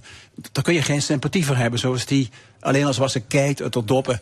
Ehm, en ehm, het, het, het gaat dus, die hele film gaat dus eigenlijk over afstandelijkheid. Ja, er is geen enkel empathisch eh, vermogen aanwezig bij die mensen. Nee. Met hetgeen zich daar achter die Nee, muur afspeelt. Kijk, Ja. die, de, die, die zone of interest, dat is een, dat is een eh, vertaling van het, van het Duitse woord interessegebied. Dat is een eufemisme in feite voor het gebied dat zich bevindt tussen de muren van Auschwitz en de bewoonde wereld. Dat is een gebied waar je eigenlijk niet mag komen, waar niemand mag komen. Maar zij wonen En- daar. En zij wonen daar. En ehm, het, het moet dus, die, die, dat, die zone of interest moet afstand creëren. En die afstand zit natuurlijk ook in die mensen. Want die, die, die mensen zijn een en al afstandelijkheid. Die hebben geen enkele vorm van medeleven met wat daar gebeurt. Ook geen, die hebben ook geen toegang tot hun eigen gevoelsleven. Totdat op, op enkele momenten gebeurt dat dan toch. Want die Hus, die eh, op het eind van de film zie je hem in een verlaten gebouw, in een, in een trappengang, waar, waar alleen maar kale muren, waar geen enkele vorm van, van ja, een, een, afstotelijke architectuur is het eigenlijk ook. Dan zie je hem ergens beneden in de hal staan, daar staat hij te kotsen. Zoomkotsen is het. En het is natuurlijk ook zoomkotsen, maar zelfs hij heeft op een gegeven moment het idee, of vermoedelijk het, het gevoel, dat hij smerige dingen doet. Alleen is dat al die tijd eh, heeft hij dat verdrongen. Zoals al die mensen dat bezig zijn te verdringen. En eh, eigenlijk gaat die film daarover hoe makkelijk of hoe moeilijk het is om dit soort gruwelijkheden te verdringen. Ja, het thema Ja, is de, ban- de banaliteit van het kwaad, wordt gezegd. Ja. Dat, Ja, dat goed. soort de thematiek Ja, zijn. Ja. Het gaat, maar dat gaat- is- maar gaat dat niet alleen over de, de historie, dit gaat eigenlijk ook over het nu. In zoverre dat wij natuurlijk ook allemaal geneigd zijn om het op afstand te houden en ons bezig te houden met onze, eigen egocentrische interesse. En vooral niet willen weten wat zich achter al die muren afspeelt. Hè? Want de wereld is volgebouwd met muren waarachter zich de meest gruwelijke dingen afspelen. Ja. En we willen dat liever allemaal niet zien. Er en is- daar, daar gaat die film inderdaad vooral er- over. Er is een aantal jaar geleden ook een film gemaakt over de. Ja. Dat, is een, dat was een bijeenkomst waarin hoge nazi-pieven besloten eh, tot de endleuzing hè, Ja. van, eh, van het Joden, eh, ja, wat, wat, het Jodenprobleem, zoals zij dat zagen. Ja. Is, is deze film, kun je die vergelijken? Want het ging ook over Ja. kille bureaucratie. eh. Er zitten fragmenten in de film die me zonder meer deden denken aan die Wannsee-conferentie. Er zijn twee Wannsee-conferentiefilmen. Eentje, eh, nou ja, doet er nou even niet, toe, maar in ieder geval die laatste vooral, die, die, is vooral heel, die legt heel erg de nadruk op die bureaucratisering van de omgangsvormen van die mensen. Daar zitten allemaal figuren aan tafel die eigenlijk net doen alsof ze maar een half uur tijd hebben om, het probleem, om de definitief op te lossen. Ze moeten eraan volgen, de klus, weet je wel. En daar moest ik een paar keer aan denken, omdat die mensen die daar aan die tafel zitten te vergaderen, ook met diezelfde uitgestreken gezichten over die gruwelijke dingen praten. En het hele, het, de hele, het hele probleem, tussen aanhalingstekens, reduceren tot een technocratisch probleem. Bureaucratisch, technocratisch. eh, en, en, en dan moest je dus inderdaad, dan, dan zie je dus hoe, hoe, hoe erg het is dat mensen eh, met welk gemak mensen over, an, over mensenlevens en, en, en, en zeer hoge aantallen bovendien hè, praten. Ja. Dus ja, die film is in dat opzicht heel Ja, gruwelijk. de, de, de tuin die wordt bemest met de as van Ja. mensen die daar zijn vermoord. Ja, ja, ja. Dat soort. Ja, dat klopt. En eh, de, de, de mevrouw Hus die draagt de bontjas van een van de. eh al, dat is een van de eerste scènes dat je ziet dat zijn bontjas past van een vrouw die net eh, een, een 100 meter verderop is vermoord. Ja, en, en, En de- lip- lippenstift eh, ook nog eh, ze- gebruikt ze van een slachtoffer. vangen de lippenstift uit een zak Van en gaat die staan. En eh, kinderen die met het gebit spelen. Van, en eh, kinderen die vinden tanden en die Oh, spelen daarmee. Dus het, eh, maar dat zijn ook de enige dingen. Met die, die vrouw met die bontjas, dat heb je in het begin, als je niet die context al in je hoofd hebt, dan heb je dat niet zo meteen in de gaten wat er gaande is. Ja. Maar van, als, als je dat wel al hebt, is dat natuurlijk van een afschuwelijke gruwelijkheid. Ja, daar krijg je wel rillingen van, hè? Ja, daar krijg je zeker rillingen van, ja. Ja. Hey, eh, de film draait eh, ja, overal in Limburg. eh, dus eh, wat dat betreft, eh, ja, je kunt overal terecht voor The Zone of Interest. Dankjewel, Cyril Offermans. Graag gedaan. Straks in de stemming, waarom stoppen zoveel wethouders met hun werk? Wat maakt deze bestuurlijke functie zo zwaar? We praten met een wethouder van Valkenburg en een ex-wethouder van Nederweert. Verder de column en het discussiepanel. Tot zometeen. Ja, nou ja, met pensioen gaan, dat klinkt misschien heel leuk. Lekker doen waar je zin in hebt en zo. Maar ik merkte dus dat mijn oud-collega daar best wel wat moeite mee had. Zijn werk was ook, eh, zeg maar, zijn sociale kring. We hadden het ook altijd heel erg leuk met z'n allen. Ik bel hem nu wel wat vaker. En als we op een vrijdag na het werk wat gaan drinken, dan gaat hij gewoon gezellig met ons mee. Herken jij ook het gevoel van eenzaamheid? Een klein gebaar kan het verschil maken. Kijk wat jij kan doen op 1 tegen eenzaamheid.nl. Beleef Oostenrijk met Polderman. Acht of tien dagen naar het prachtige Wenen en het Wienerwald. Al vanaf 579 euro. Polderman. Voor excursiereizen en alle andere fantastische reizen. Aanbetaling niet verplicht. Kijk op bolderman.nl. Portretten, interieurs, enorme stadsgezichten en beeldhouwwerken. Ontdek het indrukwekkende oeuvre van Antonio Lopez, meester van het Spaans realisme. Nu te zien in het Drents Museum. Bestel tickets via drentsmuseum.nl. Nooit meer je kozijnen schilderen? Bestel topkwaliteit kunststof kozijnen van Creon Kozijnen. Ontdek de scherpste prijs in onze webshop. Creon Kozijnen. Met de Raymond waterontharder is kalkaanslag verleden tijd. Laat je verrassen op raymondwaterontharders.nl Nu bij Jumbo, een halve kilo broccoli, nu voor 1,19 euro. Alle Garden Gourmet vleesvervangers, nu 1 plus 1 gratis. Pink Lady appels, los per kilo of schaal van 4 stuks, nu 2,29 euro. En tot slot, zalmfilet, schaal van 400 gram, nu voor maar 7,50. En dat voor die prijs. Jumbo.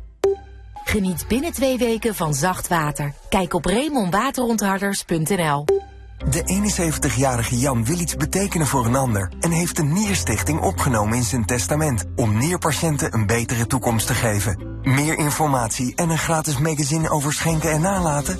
Nierstichting.nl slash voortleven.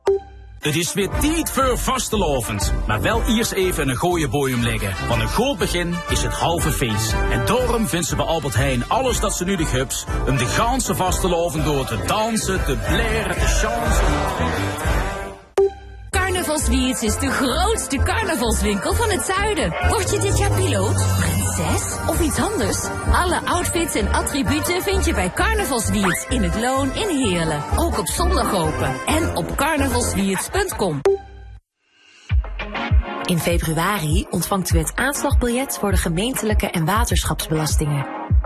U ontvangt het aanslagbiljet per post in uw brievenbus of digitaal in uw berichtbox als u zich heeft aangemeld voor Mijn Overheid. Meer weten? Ga naar bsgw.nl. Ziet u slecht en helpt uw bril niet meer? Er zijn nu speciale brillen waarmee u weer kunt lezen, tv kijken en veilig over straat kunt gaan. Bel 070 311 4070 of kijk op ikwilbeterzien.nl. Ik wil beter zien. Carnaval bij Wieler. Profiteer van voordeel op onze voorraad van Volkswagen, Audi, Seat en Skoda. Bekijk wieler.nl voor meer informatie. En carnavalsdinsdag is Wieler voor jou geopend. Dit is L1 met het nieuws van 12 uur. Gert Kluk met het NOS-journaal. De VS en Groot-Brittannië hebben nieuwe aanvallen uitgevoerd op stellingen van de Houthi in Jemen. Doelwit waren onder meer raketsystemen, lanceer- en radarinstallaties. De Houthis die worden gesteund door Iran ontregelen al maanden het scheepvaartverkeer op de Rode Zee.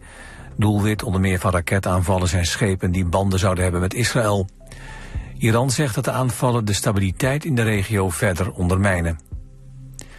De synagoge in Middelburg is beklad met hakenkruizen. Bestuurders van het Joodse gebedshuis zeggen onthutst te zijn over deze daad van antisemitisme. Ook zeggen ze dat de bekladding bij velen weer gevoelens van onveiligheid en angst oproept. De hakenkruizen werden gisteravond ontdekt. Wie er achter de bekladding zit is niet duidelijk. Er is aangifte gedaan. Bij Israëlische aanvallen op de Gazastrook zijn de afgelopen nacht meer dan 90 Palestijnen om het leven gekomen. Dat zeggen de autoriteiten die worden aangestuurd door Hamas. Er zal onder meer een kleuterschool in Rafah zijn getroffen waar daklozen hun toevlucht hadden gezocht. De afgelopen dagen zijn de zorgen toegenomen over een mogelijke Israëlische inval in Rafah. In de zuidelijke grensstad hebben honderdduizenden ontheemden uit andere delen van Gaza hun toevlucht gezocht. De bosbranden in Chili hebben tot nu toe aan zeker 46 mensen het leven gekost. De branden woeden op zo'n 100 kilometer van de hoofdstad Santiago. Het gebied rond de toeristische plaats Villa del Mar is zwaar getroffen. Mogelijk zijn de branden het gevolg van droogte en hitte. Er zijn ook vermoedens van brandstichting. Joe Biden heeft zoals verwacht de eerste voorverkiezing van de Democratische Partij gewonnen. In de staat South Carolina behaalde de president een ruime meerderheid. Bij de Republikeinen leidt Donald Trump in de voorverkiezingen. In november kiezen de Amerikanen een nieuwe president. En zoals het er nu naar uitziet nemen Biden en Trump het dan opnieuw tegen elkaar op. Het weer bewolkt en soms even regen. Vanmiddag blijft het in de zuidelijke helft van het land vrijwel droog. Het wordt 9 tot 11 graden bij een forse zuidwestenwind. Vanavond regent het vooral in het noorden. Morgen droog en soms zon. Dit was het NOS Journaal. Wil je op vakantie? Of op reis? Fox gaat verder. Zowel in Europa als ver daarbuiten. Boek je reis op fox.nl. Expert in rondreizen. Met Toyota Private Lease heb je het nu heel goed voor elkaar. Want dankzij een korting op je maandbedrag rij je nu tijdelijk een Toyota vanaf 259 euro per maand. En voor maar 20 euro per maand extra kun je na een jaar maandelijks opzeggen met Toyota FlexLease. Bereken jouw korting op toyota.nl op basis van 72 maanden en 5000 kilometer per jaar. Fox gaat verder. Boek je rondreis op fox.nl.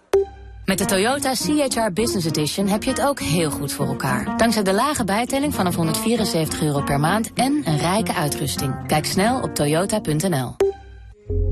Als de wereld duister voelt en alles lijkt uit evenwicht, weet dan dat juist in donkere tijden er kleine puntjes zijn van licht. Kijk nog om je heen. Houd je ogen heel goed open. Vind je lichtpuntje en durf te hopen. Op sieren.nl helpen we jou je lichtpuntje te vinden. Had ik jullie al verteld over de OWAT busreizen voor het nieuwe seizoen? Nou, we gaan naar de allermooiste plekjes in Europa. In een luxe bus en OWAT zorgt voor alles. Ja! Kijk maar op owat.nl. En je weet, OWAT? Dat zit goed. Hoi, Harry hier van 50PLUS Mobiel. Hoi, Harry hier van 50PLUS Mobiel. Het zijn de dubbele datadagen. Het zijn de dubbele datadagen. Dus gratis dubbele data en onbeperkt bellen bij jouw Simone-abonnement. Mooie actie, Harry. Dit laat ik me geen twee keer zeggen. Je OWAT-reis toch liever omboeken? Geen probleem. Kijk op owat.nl. Nu geen 5000, maar 10.000 MB voor 7,50 euro bij een Simone-abonnement. Bij 50PLUS Mobiel. Vliegen of met de auto naar je vakantiebestemming? Kijk op owat.nl. Zaterdag 10 februari vanaf 11 uur de Brandbeer Boetegewone Boetezitting. Live op L1 Televisie, L1 Radio en via onze online kanalen. De Brandbeer Boetegewone Boetezitting wordt mede mogelijk gemaakt door onze trotse partners. Brandbier, New Energy Systems, Cup Brothers, Mobiliteitswereld, Scala en Daniel Strap Renovatie. Dit is de zondag van L1.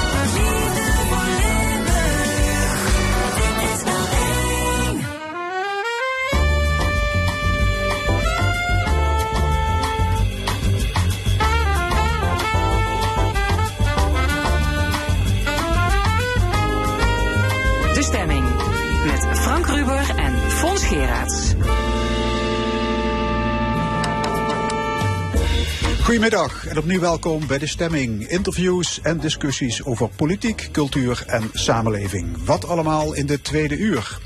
Om half één discussieert het discussiepanel met Monique Parre, Armo Leenaars en Luc Wienans over boze boeren, wangedrag in Hilversum en andere actuele zaken. Een column van Hugo Luiten, maar eerst het beroep van wethouder. Het lijkt wel een hondenbaan. Tenminste, dat idee krijg je als je kijkt naar de uitslag van het wethoudersonderzoek 2023. En daaruit blijkt dat sinds de verkiezingen van 2022 een record aantal wethouders om allerlei redenen tijdelijk of definitief is gestopt. Vorig jaar waren dat er maar liefst 183. Waarom haken zoveel wethouders af? En wat kan er tegen gedaan worden? Bij ons Niels Douwe, wethouder van Valkenburg, en zijn ex-collega van Nederweert, Robert ten Katen. Heren, welkom. Goedemiddag. Uh, meneer Douwe, u kent uh, de cijfers uit het laatste wethoudersonderzoek. Is dat schrikken? Zoveel uitval? Ja, goed, het is wel een signaal, denk ik, dat we goed moeten kijken naar, naar het ambt. En zeker ook naar de secundaire arbeidsvoorwaarden bij het ambt. Wij hebben een aanstelling als wethouder, hè, dus we hebben geen arbeidsovereenkomst. En we hebben dus daardoor ook niet voorgeschreven uren, voorgeschreven verlofdagen, eh, ouderschapsverlof. Een wethouder, een echt zuster, Kim, pas mama geworden en nu alweer aan de slag. Dus dat is wel een signaal. Van de andere kant zie ik het als breed maatschappelijk. Dat mensen zich ook aan het bezinnen zijn op, uh, op hetgeen wat ze doen. En ik zie in alle sectoren wel dat mensen van, uh, van baan wisselen. Dus het is niet alleen voor het wethouderschap. Oké, okay, dat zou ook misschien met corona te maken hebben. Ja, dat was een beetje mijn analyse van de koude grond. Dat mensen in de coronatijd ook tijd hebben genomen om zich te bezinnen op wat ze willen naar de toekomst toe. En misschien denken en, dat wethouderschap is toch niet mijn droombaan. Ja, bijvoorbeeld. Maar ik zie echt mensen die dus uh, ja, zeggen breed maatschappelijk zeggen, ik ga iets heel totaal anders doen. Een beetje ja. ik vertraagachtig. En u heeft zelf nergens last, last van? U zit goed in uw vel? Ja, ik, ik geniet enorm van, uh, van mijn werk als, als wethouder in Valkenburg aan de Geul. Eigenlijk alle thema's die in de samenleving leven, uh, die komen voorbij. Een beetje zoals dit programma ook. Uh, heel veel uiteenlopende onderwerpen. En dan mag ik me iedere dag met veel enthousiasme, met een leuk team, uh, mee bemoeien. Iedere ochtend fluitend naar uw werk. Ja. Ja, veel collega's gaan wel onderuit, zoals uw buurman hier aan tafel, Robert ten Katen. U ja. hield het na één jaar al voor gezien, hè, in Nederweer. Klopt, klopt. Uh, maar soms is in dat soort situaties uh, dat ook juist de verstandige keuze uh, om te doen. Ik heb afgelopen, afgelopen jaar en het jaar ervoor, toen ik wethouder was... Uh, veel wethouders ook uh, uh, zien, zien omvallen, op wat voor manier dan ook. Uh, ik heb gezien hoe uh, zwaar het sommige mensen ook, uh, ook valt. Ik heb ervaren hoe zwaar het mij is, is gevallen.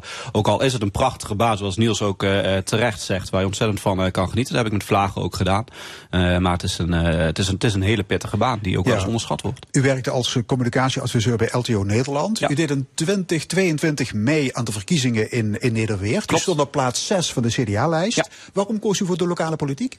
Ehm, ik was op dat moment nog niet heel erg lang lang uh, uh, politiek betrokken. Ik ben daarvoor ook nooit politiek actief geweest in de zin van uh, meedoen aan verkiezingen. altijd achter de schermen daar een rol in, in, gehad. Altijd ook heel erg veel plezier uit, uitgehaald. En uh, op dat moment verhuisde ik van Eindhoven naar Nederweert. En uh, begonnen de gemeenteraadsverkiezingen begonnen uh, zich voor te bereiden. En toen dacht u, dat lijkt me wel wat? Nou, daar, ik dacht, daar ga ik ook mijn steentje aan, aan bijdragen ja. in de lokale politiek. U kwam net niet in de raad, maar u werd Klopt. wel gepolst voor het wethouderschap. Ja. Waarom moesten moeten ze u hebben? Ehm, dat, is een, dat is een leuke vraag. Ik denk, um, uh, nou, oorspronkelijk was het idee dus dat ik de gemeenteraad zou komen. Ik stond op plek 6, we hadden zes zetels behaald uh, in de, uh, met, met de verkiezingen. Zou betekenen dat ik in de raad zou komen. maar iemand met voorkeurstemmen ging over mij heen, volledig terecht. en twee dagen later werd ik inderdaad gevraagd of ik wethouder wilde worden van, van, van Nederland. Ja, doe enig benul wat, wat dat vak inhoudt? Eigenlijk niet, nee, want eigenlijk was het ook een totale verrassing op moment dat ik daar dus bij de fractievoorzitter aan tafel zei. Die ook zei, ik zal me met de deur in huis vallen. Uh, uh, we hebben erover nagedacht, we mogen een wethouder leveren. En we denken dat jij er heel goed, uh, heel goed kan. En hoe lang heeft u erover nagedacht? Ik had daar een paar dagen de tijd voor. twee of drie dagen de tijd voor om die knoop voor mezelf door te hakken. en dat heb ik in ongeveer ook die tijd gedaan. Waarom heeft u ja gezegd? Omdat ik het een uh, bijzondere eer vond om uh, uh, gevraagd te worden voor zo'n uh, Maar je moet ook denken, ik kan dit, ik kan dit aan. Ik, ik ga Zeker. dat varkentje wel eens even daar, even, ga je natuurlijk, uh, daar ga je natuurlijk met die, met die instelling ga je er absoluut in. En dan is de, de, het vertrouwen wat mensen in je geven, uh, ook onafhankelijk van elkaar in je geven, is daar een hele grote drijfveer in. Dat geeft ook het vertrouwen om dat, uh, om dat ambt ook aan te gaan. Was het zelfoverschatting? niet zozeer zelfoverschatting, wel onderschatting van het ambt zelf. niet alleen door mij overigens, maar... Uh, ik denk dat het wel heel belangrijk is, en daar komen we misschien zo meteen nog wel verder op, uh, dat het goed is om zeker uh, nieuwe wethouders met weinig ervaring op allerlei gebieden. Ja, daar komen, we, daar komen we zeker nog op. Maar na hoeveel uren, dagen, mm -hmm. weken, maanden kwam je tot het besef, ik zit hier op een totaal verkeerde plek? Dat kwam na ongeveer een maand of uh, zeven, ongeveer een dik half jaar. Uh, dat is wel de periode waarin je echt in je zetel moet, uh, moet komen die echt op je plek moet komen, het gevoel moet hebben van ik heb de situatie onder controle en ik ga hier de komende vier jaar een succes van maken. Uh, en na, uh, na het half jaar begon ik wel te twijfelen, ja ga ik hier de komende vier jaar een succes van maken. Wat brak u op gebrek aan ervaring? Kun je dat zeggen? Ja, ik denk het wel. Ik denk het wel. Ik denk dat dat ook een van de redenen is dat uh, uh, toch veel wethouders voortijdig uh, met het, met het vak. Voor mij was het vooral ook een gebrek aan raadservaring. gebrek aan leidinggevende ervaring. als je ook niet bij een overheid hebt gewerkt, dat helpt daar ook niet in mee. Dat helpt ontzettend als je dat wel hebt, omdat je dan kan verplaatsen in, in ambtenaren. bekend bent met de schrijfwijze van voorstellen en dergelijke. dergelijke.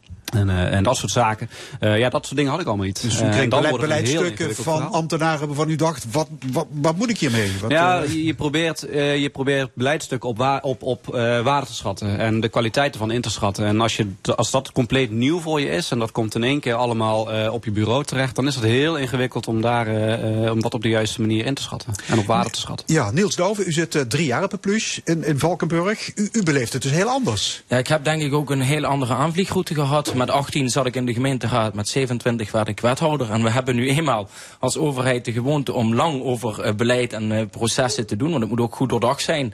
En ik kende dus die dossiers vanuit het raadlidmaatschap. Tel mm. daarbij op dat mijn vader uh, 12 jaar lang wethouder is geweest toen ik tiener was. En eigenlijk al op de basisschool is dat zo begonnen. Dus het ging thuis ook over die dossiers. En dat is natuurlijk heel anders als Rob die het zich helemaal eigen moest gaan maken. Hè. Dus ik, ik, ik dus had je het was veel beter voorbereid, zeg maar. Nou ja, goed, in, in ieder geval kende ik de dossiers uh, een, een, stuk beter. Dus dan heb je wel een, een, voorsprong. Daarnaast heb ik ook heel gericht met mijn studie gekozen voor een uh, studie politieke communicatie. Om ook te begrijpen hoe politiek bestuurlijke processen lopen. Ja, u hield er dus na een jaar mee op. Hoe ja. waren de reacties toen? Um, mensen reageerden heel positief op. Um, ik wat, was, wat dapper van die Ja, eigenlijk wel. Van die uh, en dat heeft, me, dat heeft me goed gedaan. Dat heeft me ook gesterkt in de overtuiging dat het de juiste keuze was. Uh, en ook het juiste moment om dat te doen. Het voelde natuurlijk uh, als, als heel snel. Dat voelde het voor mezelf ook. En, en, voor mij was het ook een, een, een combinatie van een, een, een teleurstelling. dat je het uh, uh, dat je het laat voor wat het, voor wat het is. maar ook wel een opluchting. aan, de ene kant, aan de kant de, de, de last die eigenlijk van je schouders afvalt op dat, op dat moment.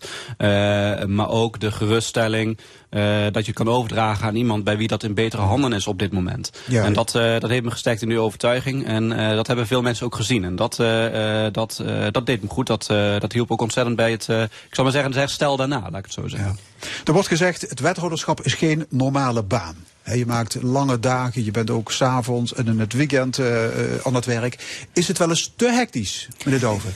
Je hebt zeker perioden dat het heel hectisch is. En, en dat maakt eigenlijk het besluit van Rob om te zeggen... ik stop ook heel erg dapper. Want je zit in dat glazen huisje. Iedereen let toch, eh, toch op je. Je bent toch de wethouder. Eh, of je nu in de supermarkt loopt of op de carnavalszitting bent. En dan is het extra dapper om je kwetsbaar op te stellen. En te zeggen, ja, ik ben op dit moment niet de juiste man op de juiste Mhm. plek. Dus ik kan daar alleen maar lof voor hebben. Ja, maar u bent ook nog eens local burgemeester Ja. en u doceert aan de Zuidhogeschool. Ja, Dus klopt. uw agenda Ja, zit helemaal ja. En- bomvol. En eigenlijk dat, dat doseren, dat helpt ook wel.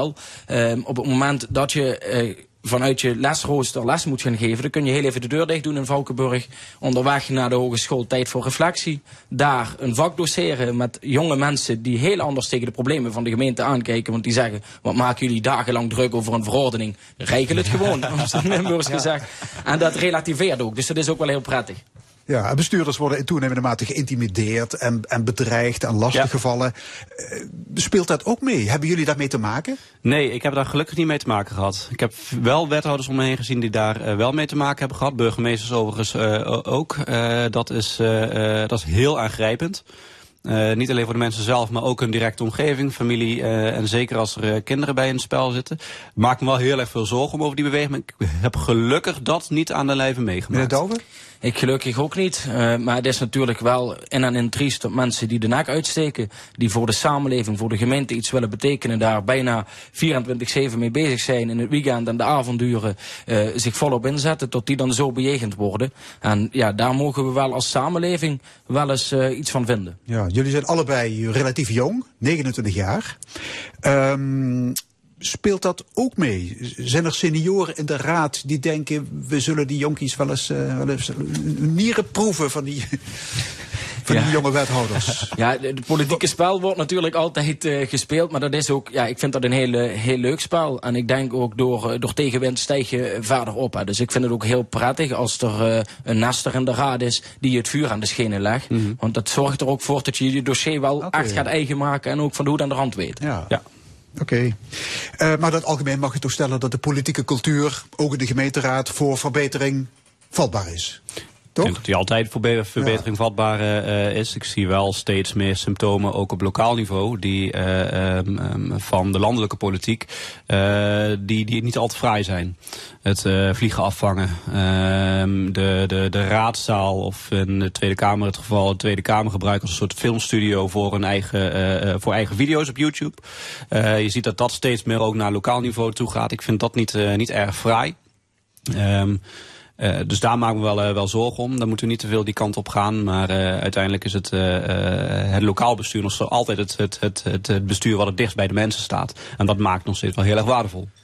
Ja, ik denk dat bij, bij ons speelt het niet zo. We hebben een gemeenteraad die elkaar heel goed begrijpt.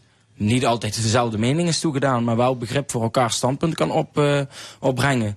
Het is natuurlijk wel zo dat je niet ziek hoeft te zijn om beter te worden. Dus eh, ook wij als, als eh, gemeentebestuur hebben vaker sessies om te kijken wat kunnen we nog anders doen, beter doen. Hoe kunnen we met duidelijkere taal naar die inwoner toestappen. Dus er zijn wel wat dingen die we kunnen verbeteren. Maar over het algemeen ben ik erg tevreden over de samenwerking tussen college en raad in Valkenburg en de Geul.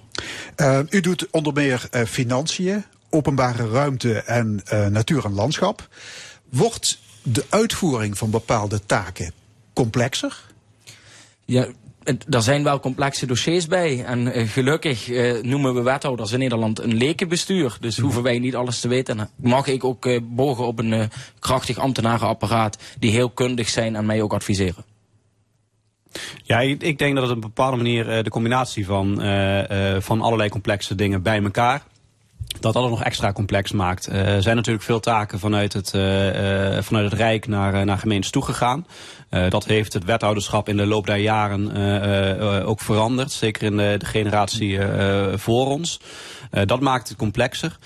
Ehm, tegelijkertijd is dat ook wel een van de mooie dingen van het vak. Dat je echt maar je tanden in mag zetten in hele complexe dossiers. Eh, dat, dat moet ook in je karakter zitten om daar eh, van aan te gaan. Dat Ja, staat bij mij ook in het karakter. Maakt het er niet makkelijker op. Ja, nee. In uw geval heeft u uw tanden erop eh, stuk gebeten.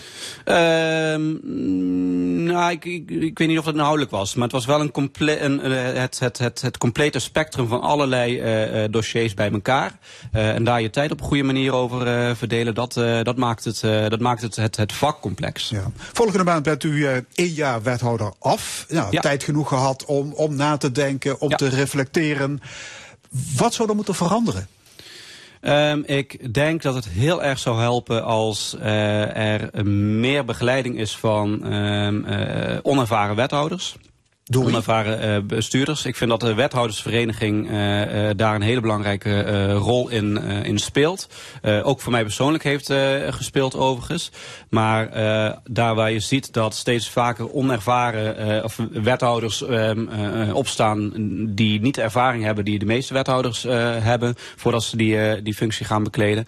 vind ik het belangrijk om hen te leren wat is nou het politieke handwerk wat ja, u pleit eigenlijk voor een soort wethouderschooltje. Bijna wel, bijna wel. Er zijn natuurlijk wel cursussen die, die gegeven worden door ook politieke partijen overigens. En de wethoudersvereniging waar ik het net al over had. Maar um, um, echt een soort basisopleiding van wat zijn nou de basisvaardigheden, de basistaken die je hebt als wethouder. Hoe zorg je ervoor dat je die kunt beheersen zodat je makkelijker in de zadel komt en de situatie beter onder controle hebt. Want dat maakt een, een periode van vier jaar een heel stuk makkelijker. Maakt dat je je tijd veel beter ja. kunt verdelen en ook effectiever bent als bestuurder. Meneer Douwen, moeten kandidaat-wethouders beter voorbereid worden op dit toch pittige vak? Nou, ik denk dat het wel prettig is om wat vlieguren gemaakt te hebben, bijvoorbeeld in een gemeenteraad. Uh, maar wat je ook ziet, en dat is ook een maatschappelijk fenomeen, is dat ofwel mensen aan het begin van de carrière of aan het eind van de carrière uh, bestuurder worden. Mm -hmm. Nou, hoe komt dat? Als jij een baan moet opzeggen voor het wethoudersambt, uh, dan krijg je vaak geen, geen terugkeergarantie. En het is ook nog eens lastig om vanuit het ambt weer terug in een, in een functie gewoon het bedrijfsleven te komen. Dus daar zou ik wel voor willen pleiten dat je dus bijvoorbeeld regelt met, met het Rijk om die terugkeergarantie te borgen. Ja, want u zei in het begin van het gesprek al, we hebben niet eens een arbeidsovereenkomst. Er is op het gebied van verlofrechten helemaal niks geregeld. Jullie hebben niet eens vrij in de, in de carnavalsweek. Ja, daar, daar kiezen we zelf voor. En uh, gelukkig mag ik volgende week de sleutel overdragen aan het Voekenpatriek. Dus dan is die macht even uit handen. Ja. Uh, nee, maar, maar het, het, is zo dat wij inderdaad uh, niet de verlofrechten hebben die, die u heeft hier wellicht bij, bij alleen of onze ambtenaren hebben. maar we maken daar ook een eigen keuze in. En het is goed om dat ook zelf goed te bewaken. En wij maken daar ook binnen de buik van het college goede afspraken over. En we letten een beetje op elkaar. Ja. En moeten gemeenten het lef hebben om gewoon meer wethouders aan te stellen? Om, om alle stress ja. en burn-out gevallen te voorkomen? Ja, we, we hebben dus wettelijk bepaald hoeveel uh, formatie je mag hebben. Voor Valkenburg aan de Geul is dat 3,6 uh, FTE. Dus dat is nagelang de grootte van de gemeente. Ik ben het wel met Rob eens. Steeds meer taken gaan naar die gemeente toe. Dus wellicht moeten we die discussie uh, openen. Ja, en dus beginnen met te stoppen met die deeltijdwethouders. Ja, voor mij werkt dat heel prettig, die deeltijd. Oh ja? Omdat ik dan dus af en toe de deur kan dicht doen en me op, uh, op Zuidhogeschool okay, nee, maar meestal mensen die drie dagen werken, die, die werken in de praktijk vier of vijf. Mm. Ja, ik ben dat, ooit uh, begonnen als deeltijdwethouder met 0,4 en dat was ook fulltime. Ja, wethouder dat, ben dat je eigenlijk 24-7. Ja. ja. U maakt trouwens kans op de titel Lokale Bestuurder van het Jaar 2023, meneer Douwen. Door, door wie bent u genomineerd? Ja, dat is wel, wel grappig. Binnenlands Bestuur schrijft ieder jaar een, een, een prijsvraag uit en dan kan per provincie één bestuurder naar voren worden geschoven door de collega-wethouders. Dus ik ben door collega's uit de provincie... Door collega's? Ja, ben ik uh, genomineerd. En woensdagavond in Kerkrade horen we weer wie Petra Dassen, want zij is nu de beste lokale bestuurder van Nederland, wie haar gaat opvolgen. Okay. Dus uh, woensdag wordt spannend. Spannend, ja. ja. En, en wat is de prijs?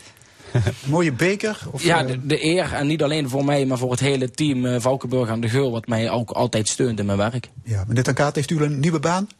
Uh, bijna. Ik heb uh, de afgelopen maanden uh, weer in Den Haag gewerkt, waar ik hiervoor ook heb, heb gewerkt. Heb ik een, een tijdelijke klus gedaan bij het landelijk CDA. Het was heel fantastisch om, om te doen en nu loop ik verschillende sollicitatieprocedures. Zint u vroeg of laat op een soort revanche? Komt u, komt u terug als bestuurder Nee, en ik zie het sowieso om... niet als, uh, als revanche. Want uh, ik, ik, het is natuurlijk mijn eigen keuze geweest om het uh, over te dragen aan iemand anders. En ik koester, uh, heb daar ook geen enkele rancune naar, naar iemand toe. Um, ik ben wel anders naar de politiek gaan kijken. Ook naar mijn, uh, uh, mijn eigen rol en eventueel toekomst daar, uh, daarin. Ik heb toch ook wel gemerkt dat ik achter de schermen... dat ik daar veel beter tot mijn recht kom... als, als mens achter de topsporter, als het ware. In plaats van zelf op de voorgrond te zijn. Die topsporter die, die 24 uur okay. per, per, dag, 7 dagen in de week moet, moet presteren. Je bent gelouterd in dat jaar. Ja, dus, uh, ondanks mijn 29 jaar zou je erbij kunnen zeggen, okay. inderdaad. Hartelijk dank, wethouder en ex-wethouder Niels Douwen van Valkenburg en Robert ten Katen van Nederweert. Dank, dank, dank u wel.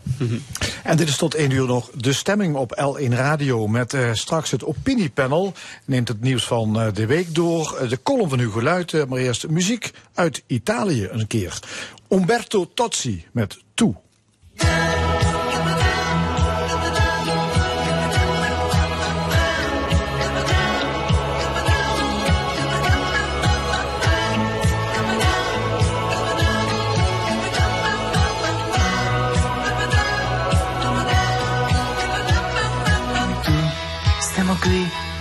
Là, c'è l'amore a cena e tu dimmi sì, se ti va, il mio letto è forte e tu pesi poco di più della gomma più, ma tu, perché tu non ci sei e mi sto spogliando tu, quanti anni dai, ho un lavoro strano e tu, ma là, che lo sai, mi starà vicino tu, sei più bella che mai, baci da un minuto tu, non ne dai, non ne dai, chi ti ha fatto entrare tu, che mi brucia sei tu, e anche la mia marcia in più, ed un po' di follia, quanto basta perché tu, come lei, non sei mia, se mi fai l'amore ti canterò come se fossi una canzone canterò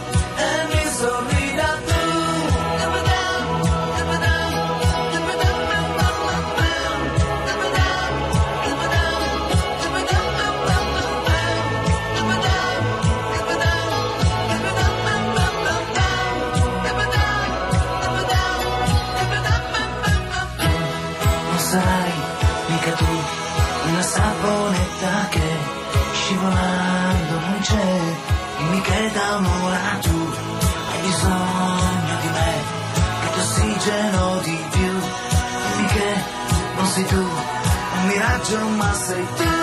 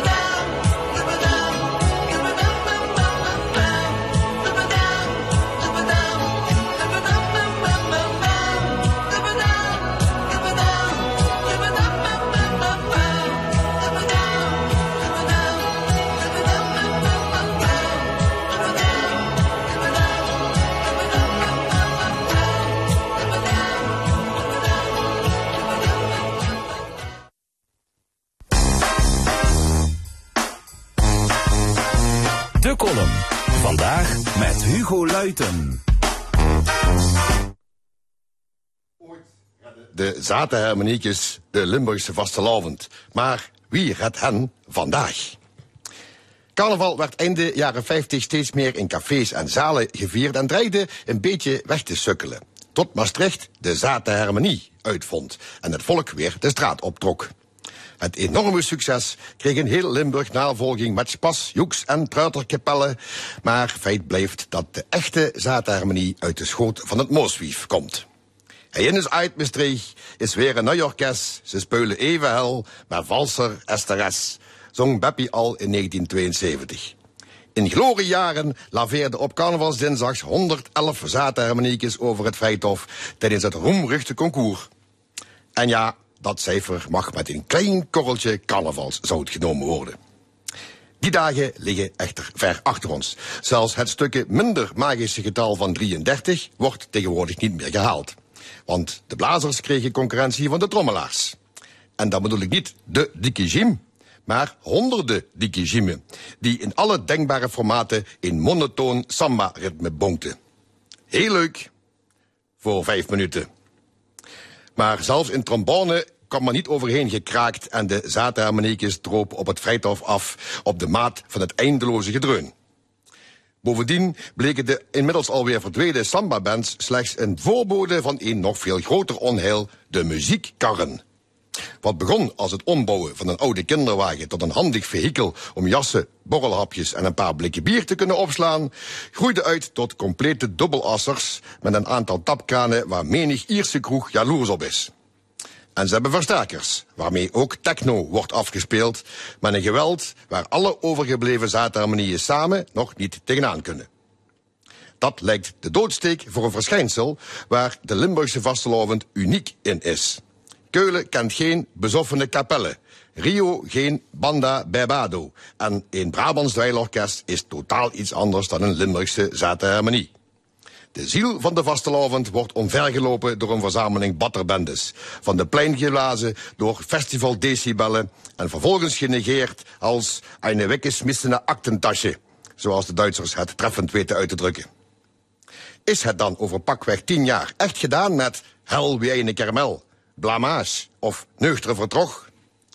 Dat zou heel jammer zijn, want de zaterharmonie is dé manier om digitaal te detoxen en authentiek, klimaatneutraal, inclusief en divers vastlovend te vieren.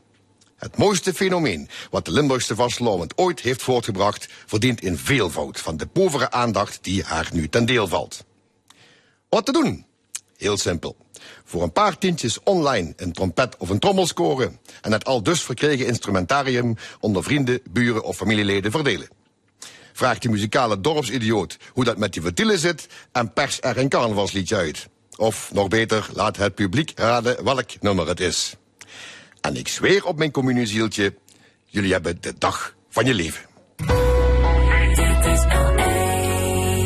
Columnist Hugo Luiten. Tijd voor het discussiepanel. Drie opiniemakers bespreken in het oog springende actualiteiten. Vandaag over de kabinetsformatie, het boerenprotest en het huftergedrag bij de NPO. Ik heet van harte welkom Monique Parre, journalist van de Limburger. Luc Wienans, docent aan Zuidhogeschool. En Armo Leenaars, die is publicist. Goedemiddag, alle drie. Ja, de sfeer tussen de vier partijen die met elkaar onderhandelen over een nieuw kabinet, die lijkt steeds slechter te worden. Er blijken nogal wat verschillen te zijn over heel veel onderwerpen, er zijn relletjes. Uh, komt dit goed, Monique? Ik denk dat het moeilijk gaat worden. Uh, zeker vanwege inderdaad alle relletjes die, uh, waar we nu uh, van horen. En ehm, te meer ook omdat op 12 februari het eindrapport over ja, de formatie... Vol, volgende week is dat, volgende week is ja, dat zeker, ja. moet worden ingediend. en ik begrijp dat er nog helemaal geen enkele knoop is doorgehakt over een heleboel heilige huisjes voor de verschillende partijen. Dus nou ja, of ze moeten sneltreinvaart maken deze week en gewoon focussen op die formatie en het hele randgebeuren laten voor wat het is. Uh, ja, of uh, we gaan er toch naar toe dat de andere partijen ook aan tafel komen. Ja, ja misschien en dan wordt het druk moeilijk. wordt alles vloeibaar, Ja. wie weet. Hè? de, de heren aan tafel, hebben jullie er vertrouwen in dat dit tot een nieuw kabinet leidt? Nee, niet direct. En zeker geen kabinet Wilders. Daar, uh, ik denk dat dat gewoon niet kan. Kabinet Uh, Plasterk. Uh, ja, ik, ik las Marcia Luiten van de week. En die uh, zei wat leuke dingen over Ronald Plasterk. Hè. Hij zou het heel graag willen, begrijp ik daaruit. Vooral ook- Ja, en uh, hij heeft ook wat oud zeer, geloof ik, uit het verleden. Hij heeft de kansen gemist. Dus dat wil hij Ja. op de een of andere manier zien goed te maken. Maar, uh, maar je ziet het inhoudelijk niet zo gebeuren. Nee, dat, dat zit vooral bij de PVV en bij Wilders bij mij. Bij, bij de persoon Wilders. Die, uh, nou ja, die heeft een bepaald verleden. Ik zie hem ook niet in staat om samen te werken. Het zit in zijn programma, wat niet rechtsstatelijk is, wat tegen de grondwet ingaat. En, en hij ruilt standpunt ook heel makkelijk in voor tegenovergestelde standpunten. Uh, en het zit in zijn partij. Hij heeft ook geen mensen die hij uh, als minister kan voordragen. Dus ja, tijd, tijdverlies ja. om hiermee door te gaan. Ja, Lux, jij ligt aan het einde van de tunnel? Nee, in tegendeel. Ik, ik denk dat het eigenlijk steeds meer richting de afgrond gaat. En uh, afgelopen week zag je weer een tweet voorbij komen van Wilders waarin die zegt we gaan voor forse lastenverlichting. Uh, voor alle burgers. Iedereen gaat erop vooruit. Terwijl er natuurlijk een berekening is gemaakt dat er eigenlijk 17 miljard tekort is. Uh, en er zal eigenlijk gewoon bezuinigd moeten worden. Nou, je ziet dat NSC en VVD daar ook op zitten. Ja, de BBB en de PVV die willen wel uitgeven. Ja, ja. ja. ja daar komt toch nog wel een hele hoop animositeit ook bij in de afgelopen weken. Van uh, enerzijds aan tafel, ja, gewoon met elkaar kijken of je tot eruit komt. En anderzijds naar buiten toe allerlei ja, opmerkingen maken die heel negatief zijn. Uh, neem nou de spreidingswet. En dan zie je toch dat hij is aangenomen door de Tweede en Eerste Kamer. En nu toch weer probeert de VVD iets te verzinnen om daar een omweg omheen te maken. Ja, een inlegvel hè, ja. werd uh, gesuggereerd. Ja, en zo zie je eigenlijk wordt er continu gepeuterd aan, aan datgene wat je eigenlijk volgens heel democratische manier hebt tot stand laten komen. En dan één ander ding waar ik ook erg van schrok afgelopen week kwam duidelijk via Follow the Money een heel verhaal over uh, de BBB-partij in Overijssel. Uh, die daar met 17 zetels in de provinciale staten zitten. En een paar weken nadat ze daar zaten een besluit hebben genomen om mevrouw Mona Keizer een enorme opdracht te geven van drie ton. Uh, die dat vervolgens en ook weer niet opgeeft. En overigens die, het verlenen van die opdracht is volledig buiten de aanbesteding omgegaan. Waar je dan toch eigenlijk van denkt van ja, dat een BBB dat vanuit hun onwetendheid doet, oké. Okay, ze komen daar net in en proberen iets goeds te doen voor de mensen daar in Almelo. Maar Mona Keizer had beter moeten weten, dit kan niet. En dit, dit, dit is gewoon niet integer. En dat betekent ook dat, dat ik denk dat dat dadelijk in die onderhandeling ook dit soort zaken echt gaan opspelen.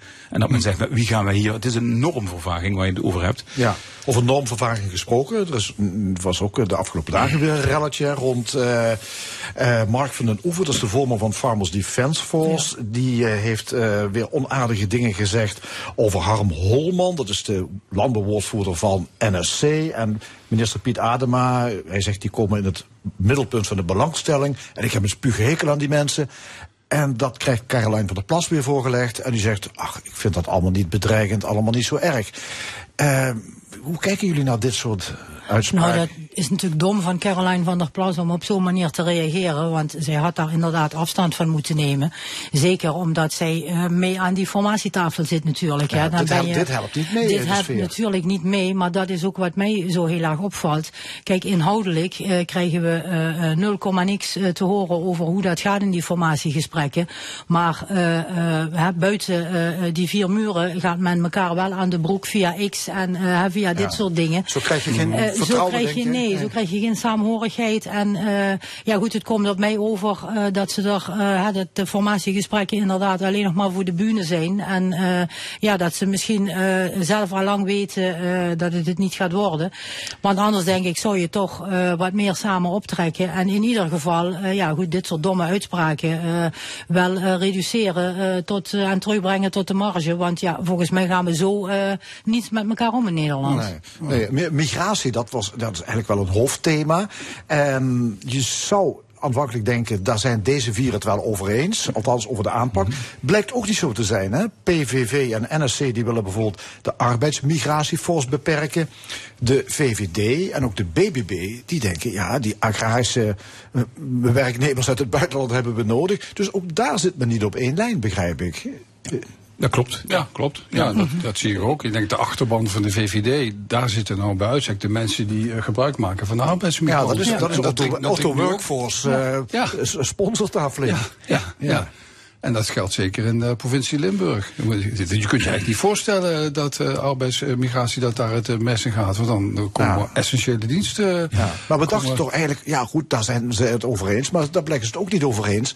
Financiën, uh, daar, daar, hebben ze ruzie over. Ja. Steun aan Oekraïne. Ja. Dus eigenlijk heel veel onderwerpen. Steun aan Gaza, hè, ook daar. Maar het, het punt, en dat vind ik een hele ernstige, ook een, hele akelige, als je over die normvervaging denkt, zoals juist dat over het boerenprotest, die uitspraken die daarover gedaan worden. Kijk, wat je wat ik angstaanjagend vind is als je naar Amerika kijkt, dat Trump die alles op het gebied van integriteit heeft gepasseerd, alle normen heeft vervaagd en ondanks dat is er kennelijk nog steeds een hele grote meerderheid van mensen die zeggen, het maakt niet uit, we gaan voor Trump. En laat ik zeggen, als, ik, als, als wij die kant op gaan, dan vind ik dat zeer zorgelijk. En, uh, en zo zie je dat er iedere keer een stukje van de koek wordt afgesneden op het gebied van integer bestuur en betrouwbaar bestuur. En, en ja, dan zie je dus nu ook, hè, in de laatste peiling, zie je dat de PVV naar 50 zetels gaat. Uh, dus eigenlijk heeft zo'n meneer Wilders ook daarin bijna iedereen in de tang. Zo ja, jongens, je kunt ervoor kiezen of je gaat nu met me mee, of uh, we laten de boel ontploffen met de kans dat ik nog groter word. Dus kortom, er zit echt een, een ja, een hele vervelende ontwikkeling uh, op dit moment. Ja, maar uh, met, met peilingen moet je toch voorzichtig zijn, denk ik. Ja, dat, dat, dat, die, die, die, dat zijn, dag, het, het zijn dagkoersen. En Ja, ik ben toch ook niet vergeten wat er gebeurd is rond de verkiezingen. Dat op een gegeven moment uh, Dylan Jessegels heeft laten weten van... nou, met die VVD, met de PVV, het zou eigenlijk best wel kunnen. Uh, en ik denk dat je gewoon terug moet naar die constructie waarin je zegt: nee, met, met die mensen gaan wij geen zaken doen, doen we gewoon niet. Als je dat duidelijk maakt, zou het wel eens een hele andere uitslag kunnen geven. Ja, want stel, stel dit lukt niet. Wat dan? We komen niet met die vier partijen, die komen niet tot elkaar. Er komt Ja. geen kabinet uit. Wat dan?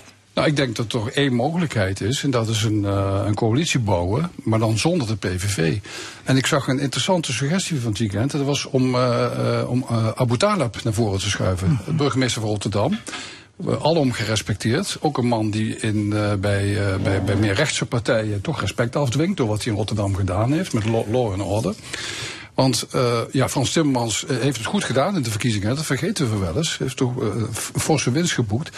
Maar hij ligt blijkbaar slecht bij, bij veel mensen in Den Haag. Ik heb nooit goed begrepen waarom, maar je moet het constateren. Misschien is het een idee dat Abu Talib ja. probeert met Pieter Omtzigt met BBB en D66, denk ik, vanzelfsprekend. Ja, om een coalitie te bouwen, maar dan zonder de PVV. Ja, coalitie mogelijk van PvdA, GroenLinks, D66, NSC, VVD. Ja, 78 zetels. ook mee ja. wil doen, ja. dan kom je heel. Ja. Dus dat, dat, dat is denk ik de laatste reële optie die er nog ligt. Dan zou Frans Timmermans uh, fractievoorzitter uh, worden en Abu Talib gaan voor, uh, voor premierschap. Ja, en dat gaat, die zo'n mogelijkheid, dat zou voor nieuwe verkiezingen moeten gaan? Dat is denk ik de laatste optie. Ja. Je, je, je, kunt niet eeuwigdurend verkiezingen gaan houden, net zolang dat er een uitkomst komt nee, die je bevalt. Dat kan niet. Nou, we hebben, zijn naar de, naar de stembus geweest. Ja, hier, en dit hier moeten we het gewoon ja, mee doen. Ja, dat is zeker.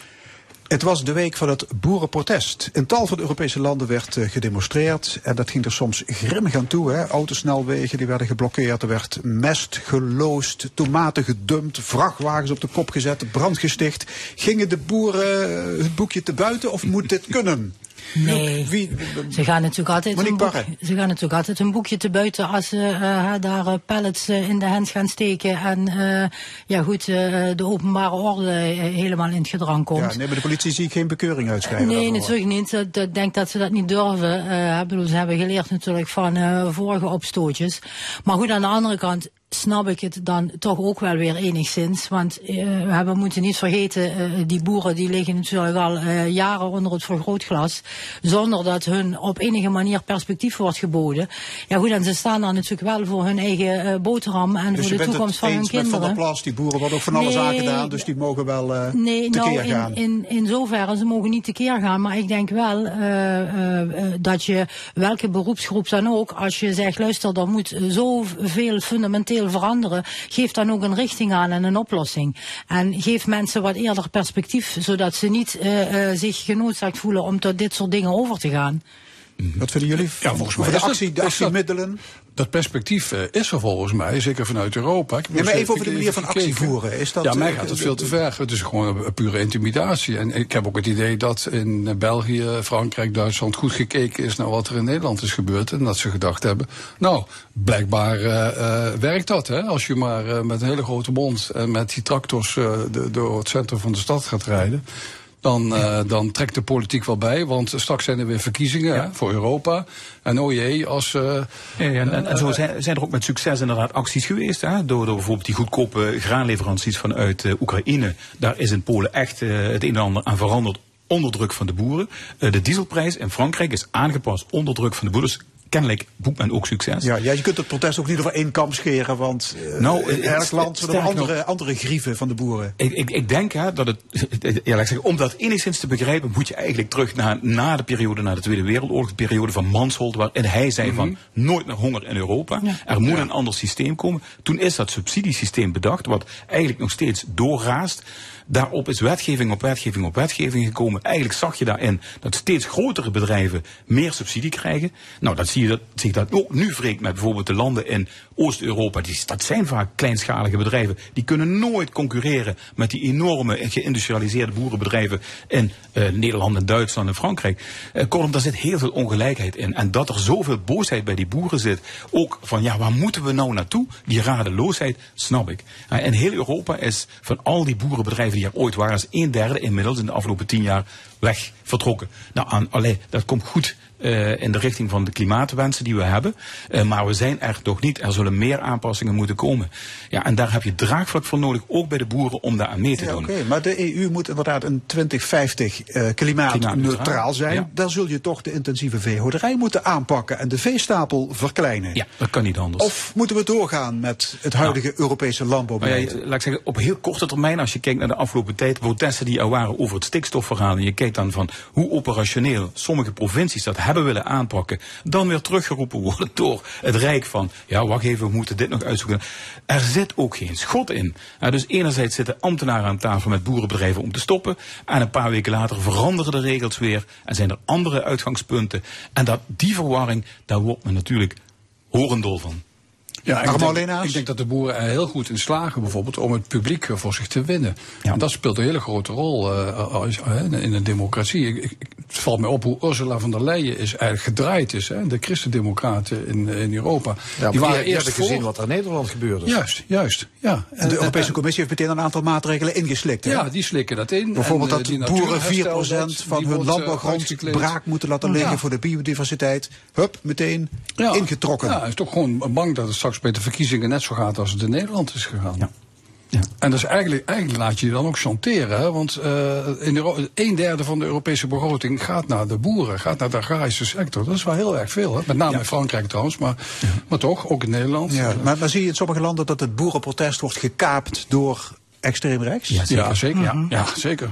Ja, eh, behoorlijk. En, en dat is ook in die zin angstaanjagend. Ja, Dat je, je- brandstapels. Ja. Hè? Iemand die, die een verhaal staat te vertellen, maar bra- brandende pallets op de achtergrond. Nou ja, en dan met de Europese verkiezingen die er aan staan Ja. te komen. Waar, en er ook een kans dadelijk ontstaat dat met name die rechtse partijen de tweede eh, grote partij, grote fractie in het. Europees parlement gaan worden. Nou, Ja, beginnen ze in dat Brussel eh, behoorlijk zenuwachtig te Dat worden. is men knap nerveus. Dat, Dat- dat, die- die dat blijkt eigenlijk uit alles. Ja. Ja. Ja. Alright. Ja? Ander onderwerp. Ja, Oké, we- we gaan naar de commissie van Rijn. Eh, die kwam deze week met het eh, vernietigende rapport over de cultuur bij de publieke omroep in Hilversum. Eh, discriminatie, seksisme, intimidatie, het komt allemaal voor op de redacties. Veel was ook al bekend natuurlijk. Is, is er nog, jullie nog iets nieuws opgevallen? Wie zei van, oh, de, die had ik nog niet gehoord. Dat, Nou, Matthijs van, eh, van eh, Nieuwkerk wordt nu weer eh, andere feiten eh, aangedreven. Hè. Hij zou mensen fysiek en, en seksueel ook verkeerd bejegend zijn. Hij zou relaties, daadwerkelijke relaties gehad hebben op de, op de werkvloer, waardoor vrouwen zijn moeten vertrekken. Hij zou mensen bij de keel gepakt hebben, over de tafel getrokken eh, hebben. Goed, ik vraag me in dit verband aan af, ja, waarom is dat dan niet voor dat rapport eh, ergens boven water eh, gekomen? Maar ja, dat is de enorme moeilijkheid, denk ik, in, in die hele kwestie. Je hebt daar natuurlijk in Hilversum een bepaalde machtsstructuur waarin mensen ja, op het schild gehesen zijn en denken dat alles en iedereen voor hun werkt in plaats van met hun samenwerkt. En ik denk, ja, en daarin ook gesterkt worden door bijvoorbeeld de leiding. Hè, die- ja, ja, zeker. Maar goed, dat, dat zul je moeten veranderen. Ik bedoel, als je die cultuur van, van horen, zien, zwijgen wil doorbreken, dan moet je er wel voor zorgen dat het op de werkvloer wat gelijkwaardiger wordt. Maar ja, iedereen wil natuurlijk daar een stukje van het succes mee pikken. Ja, en dan ben je misschien eh, eerder geneigd om je mond te houden.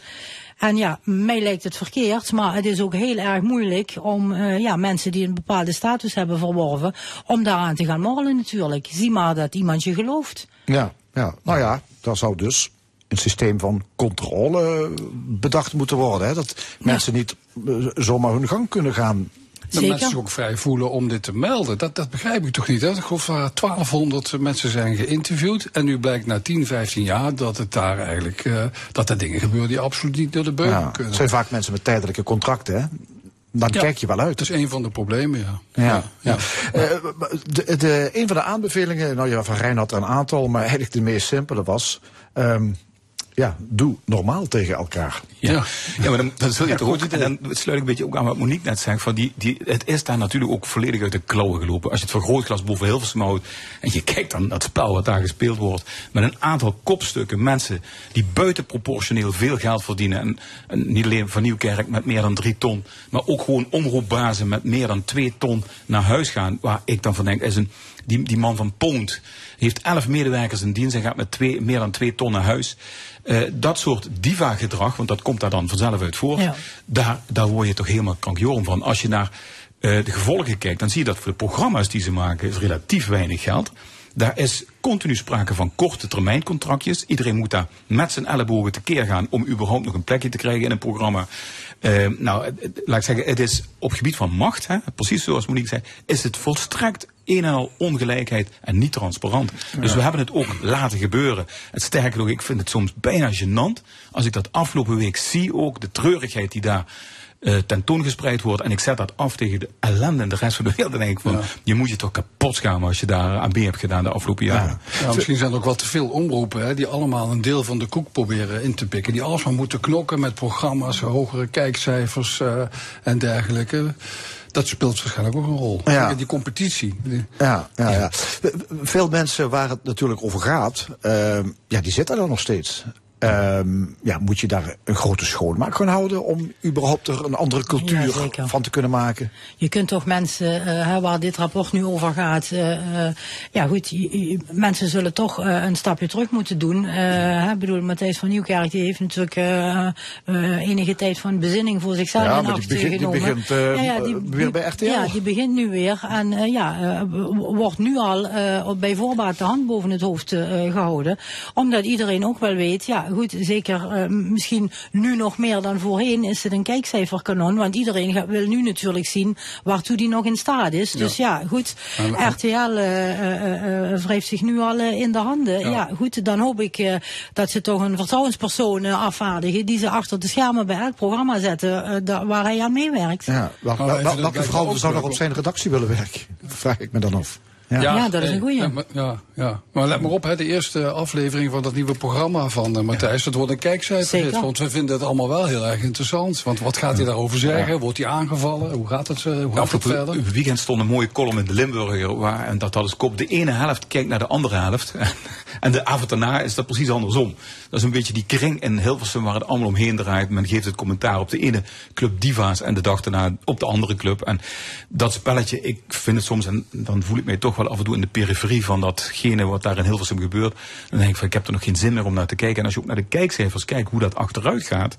En van welke programma's er echt toe doen. Ja, dat zijn er nog een paar die echt cijfers halen. Maar de rest kun je toch van afvragen. Is het dat nog waard als je kijkt naar het budget wat daarvoor wordt uitgetrokken? En ja, op de lange termijn is dat dan houdbaar? En ja, dan zou ik toch wel graag niet alleen voor meer kwaliteit van de programma's gaan. Maar zeker ook als het om leidinggevende gaat. En dat zei Martin van Rijn ook. Hè, van je moet leidinggevende niet leiding laten geven omdat ze zo'n goede journalist eh, eh, waren. Of, of omdat ze zo'n mooie... Nee, omdat ze kunnen leiding geven. Ja, omdat dat- dat hun competentie Daar moet het is. voorbeeldgedrag vandaan komen. Ja, heeft, heeft de NPO te weinig kwaliteit te bieden? Ja, nou ja, in ieder geval eh, heel weinig zelfreflectie op eigen, het eigen functioneren. Dat, dat, dat zie je iedere keer weer terug. Ja, en ik, ik denk inderdaad dat zo is. Je kunt een goede journalist zijn, een goede hoofdredacteur, maar dan ben je nog steeds geen goede manager. Hè. Dat is een ander vak. Dat is echt een ander vak. Hoe je met mensen omgaat, empathie tonen, begrip, eh, Ja, is een- zaken is- uitspreken zeker. tegenover elkaar. Dat heeft een hele duidelijke HR-component natuurlijk. Hè. Dat, dat is niet iedereen voor in de wieg gelegd. En sommige mensen hebben onder tijdsdruk eh, zeggen dan, ja, maar dan krijg ik een kort En ja, goed, dan moet degene die links of rechts van me staat het ontgelden. Ja, goed, zo hoort het natuurlijk niet te werken. En als je merkt dat dat bij iemand wel zo is, ja, dan moet je eh, misschien eh, zeggen, ja, ben jij niet helemaal geschikt voor deze plek? Goed, over niets gezien, niets gehoord en niets gedaan gesproken. De rechter heeft uh, chemiebedrijf Sabic deze week een boete opgelegd van 10 miljoen euro. Dit vanwege zware ongevallen en milieudelicten. Uh, twee andere bedrijven op Gemmelotte kregen ook een boete. Eén bedrijf werd vrijgesproken en ook de overkoepelende terreinbeheerder, zal ik maar zeggen. Wat vinden jullie van deze vonnissen? Nou, ik, je schrikt daar enorm van, omdat ik enerzijds vanuit mijn bestuurlijke werk in, in, het verleden zeg maar, weet van hoe grote controle vanuit de veiligheidsregio en het openbaar bestuur is op alles wat op het DSM-gebied gebeurt. Ik dacht dat die heel goed was en ik geloof dat eerlijk gezegd nog steeds. En toch hebben dit soort dingen kunnen gebeuren. Dus het is niet helemaal compleet, het is niet helemaal uh, rond. En de directeur Radix heeft daar ook het een en ander uh, over gezegd. En ook, staat ook open voor die verbeteringen die er moeten plaatsvinden. Maar ik zou, als ik op dit moment open, nog in het openbaar bestuur zou zitten, me daar wel knap nerveus over maken. Omdat je natuurlijk toch wil dat het maximale gedaan wordt aan die veiligheid. Ja, maar de uitspraak van de rechter.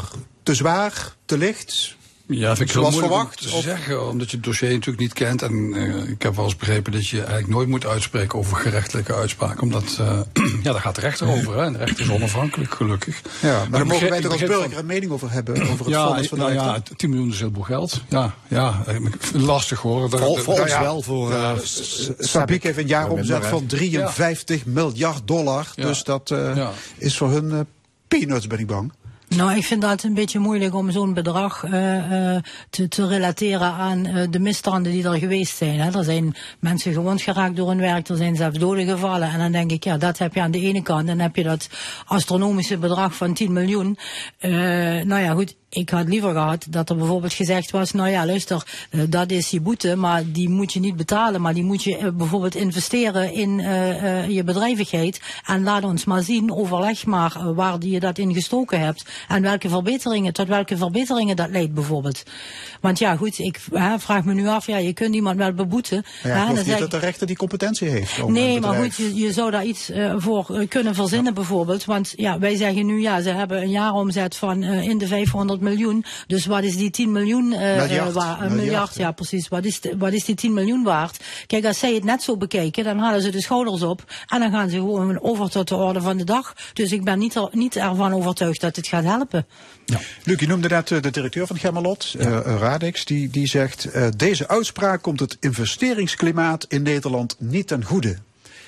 Wat vinden jullie van zo'n opmerking? Nou, en wat bedoelt hij daar eigenlijk mee? Ja, ik vind dat een beetje erg makkelijk. Dat hebben natuurlijk uh, in ondernemerskringen gebeurt dat wel heel uh, snel. Hè? Als het even tegen zit of als de overheid een vervelende maatregel afkondigt of erg scherp is met toezicht, dan krijg je altijd dit soort geluiden. VNO-NCW heeft ook, heeft ook een handje van. Dus ik uh, nou ja, wat je, wat je daar niet heel erg zwaar op. Ja, wat je daar uit terug hoort, hè, als hij dat zegt, dat is natuurlijk met de achterban waar hij overleg mee heeft. En dat zijn al die bedrijfjes, die kleine, relatief kleine bedrijven, die op DSM, die DSM vormen. En die dat dan tegen hem zeggen van ja, we zijn nog eens nadenken of we wel willen investeren. En voor de ene kant is dat natuurlijk onzin. Hè? Al die bedrijven zouden dat topprioriteit uh, moeten geven aan veiligheid. En anders zou je helemaal niet in, in dat soort werk moeten zitten. Dus, dus wat Monique ook net zei, van als je dat geld nog kon investeren in, in die veiligheid, zou dat goed zijn. En kijk, als het nou blijkt dat het pure slordigheid is, nonchalance of sterker nog, we duwen het in de eigen zak. We, zeggen dat we het besteden aan veiligheid, maar we doen dat niet. Ja, dan vind ik terecht dat er een straf komt. Terwijl er nu inderdaad eigenlijk sprake van moet zijn van zoek nou, onderzoek nou precies waar het gat zit. Waar gaat het niet goed? Ja, hamer op veiligheid. Uh, wil niet zeggen dat we bezig zijn met het wegpesten van de zware industrie. Nee, helemaal niet. Nee. Nee. nee. maar ik vind dat de burgers hier uh, hebben wel recht op een uh, veilig be uh, bedrijfsterrein. En de werknemers. Dus, ja. de werk, ja, de werknemers op de eerste plaats. Maar wij allemaal, we wonen hier met een half miljoen mensen. Ja. is toch, het is een potentiële bom, dat Genelot-terrein. Ja. Dus ja. daar, moet je wel, daar moet je wel scherp op zijn. Ja, over bom gesproken, ik moest even in dat verhaal ook denken aan, die, aan dat idiote gedoe in Rotterdam met die man die daar een drugslaboratorium waarschijnlijk heeft gehad. Hè. Dat moet nog precies bewezen worden. En dan ontploft de hele boel, nou, dan zie je wat er gebeurt. Ja. Oké, okay, we zijn rond. Hartelijk dank, discussiepanel. Monique uh, Parren, Luc Wienans en Armo Leenaars. Dit was de stemming, vandaag gemaakt door Perry Eurlings, Fons Geraerts en Frank Ruber. Graag tot volgende week zondag, 11 uur. Nou, tot over twee weken, want volgende week zijn we nog eens vanwege carnaval. Uh, we wensen u in ieder geval een mooie zondag.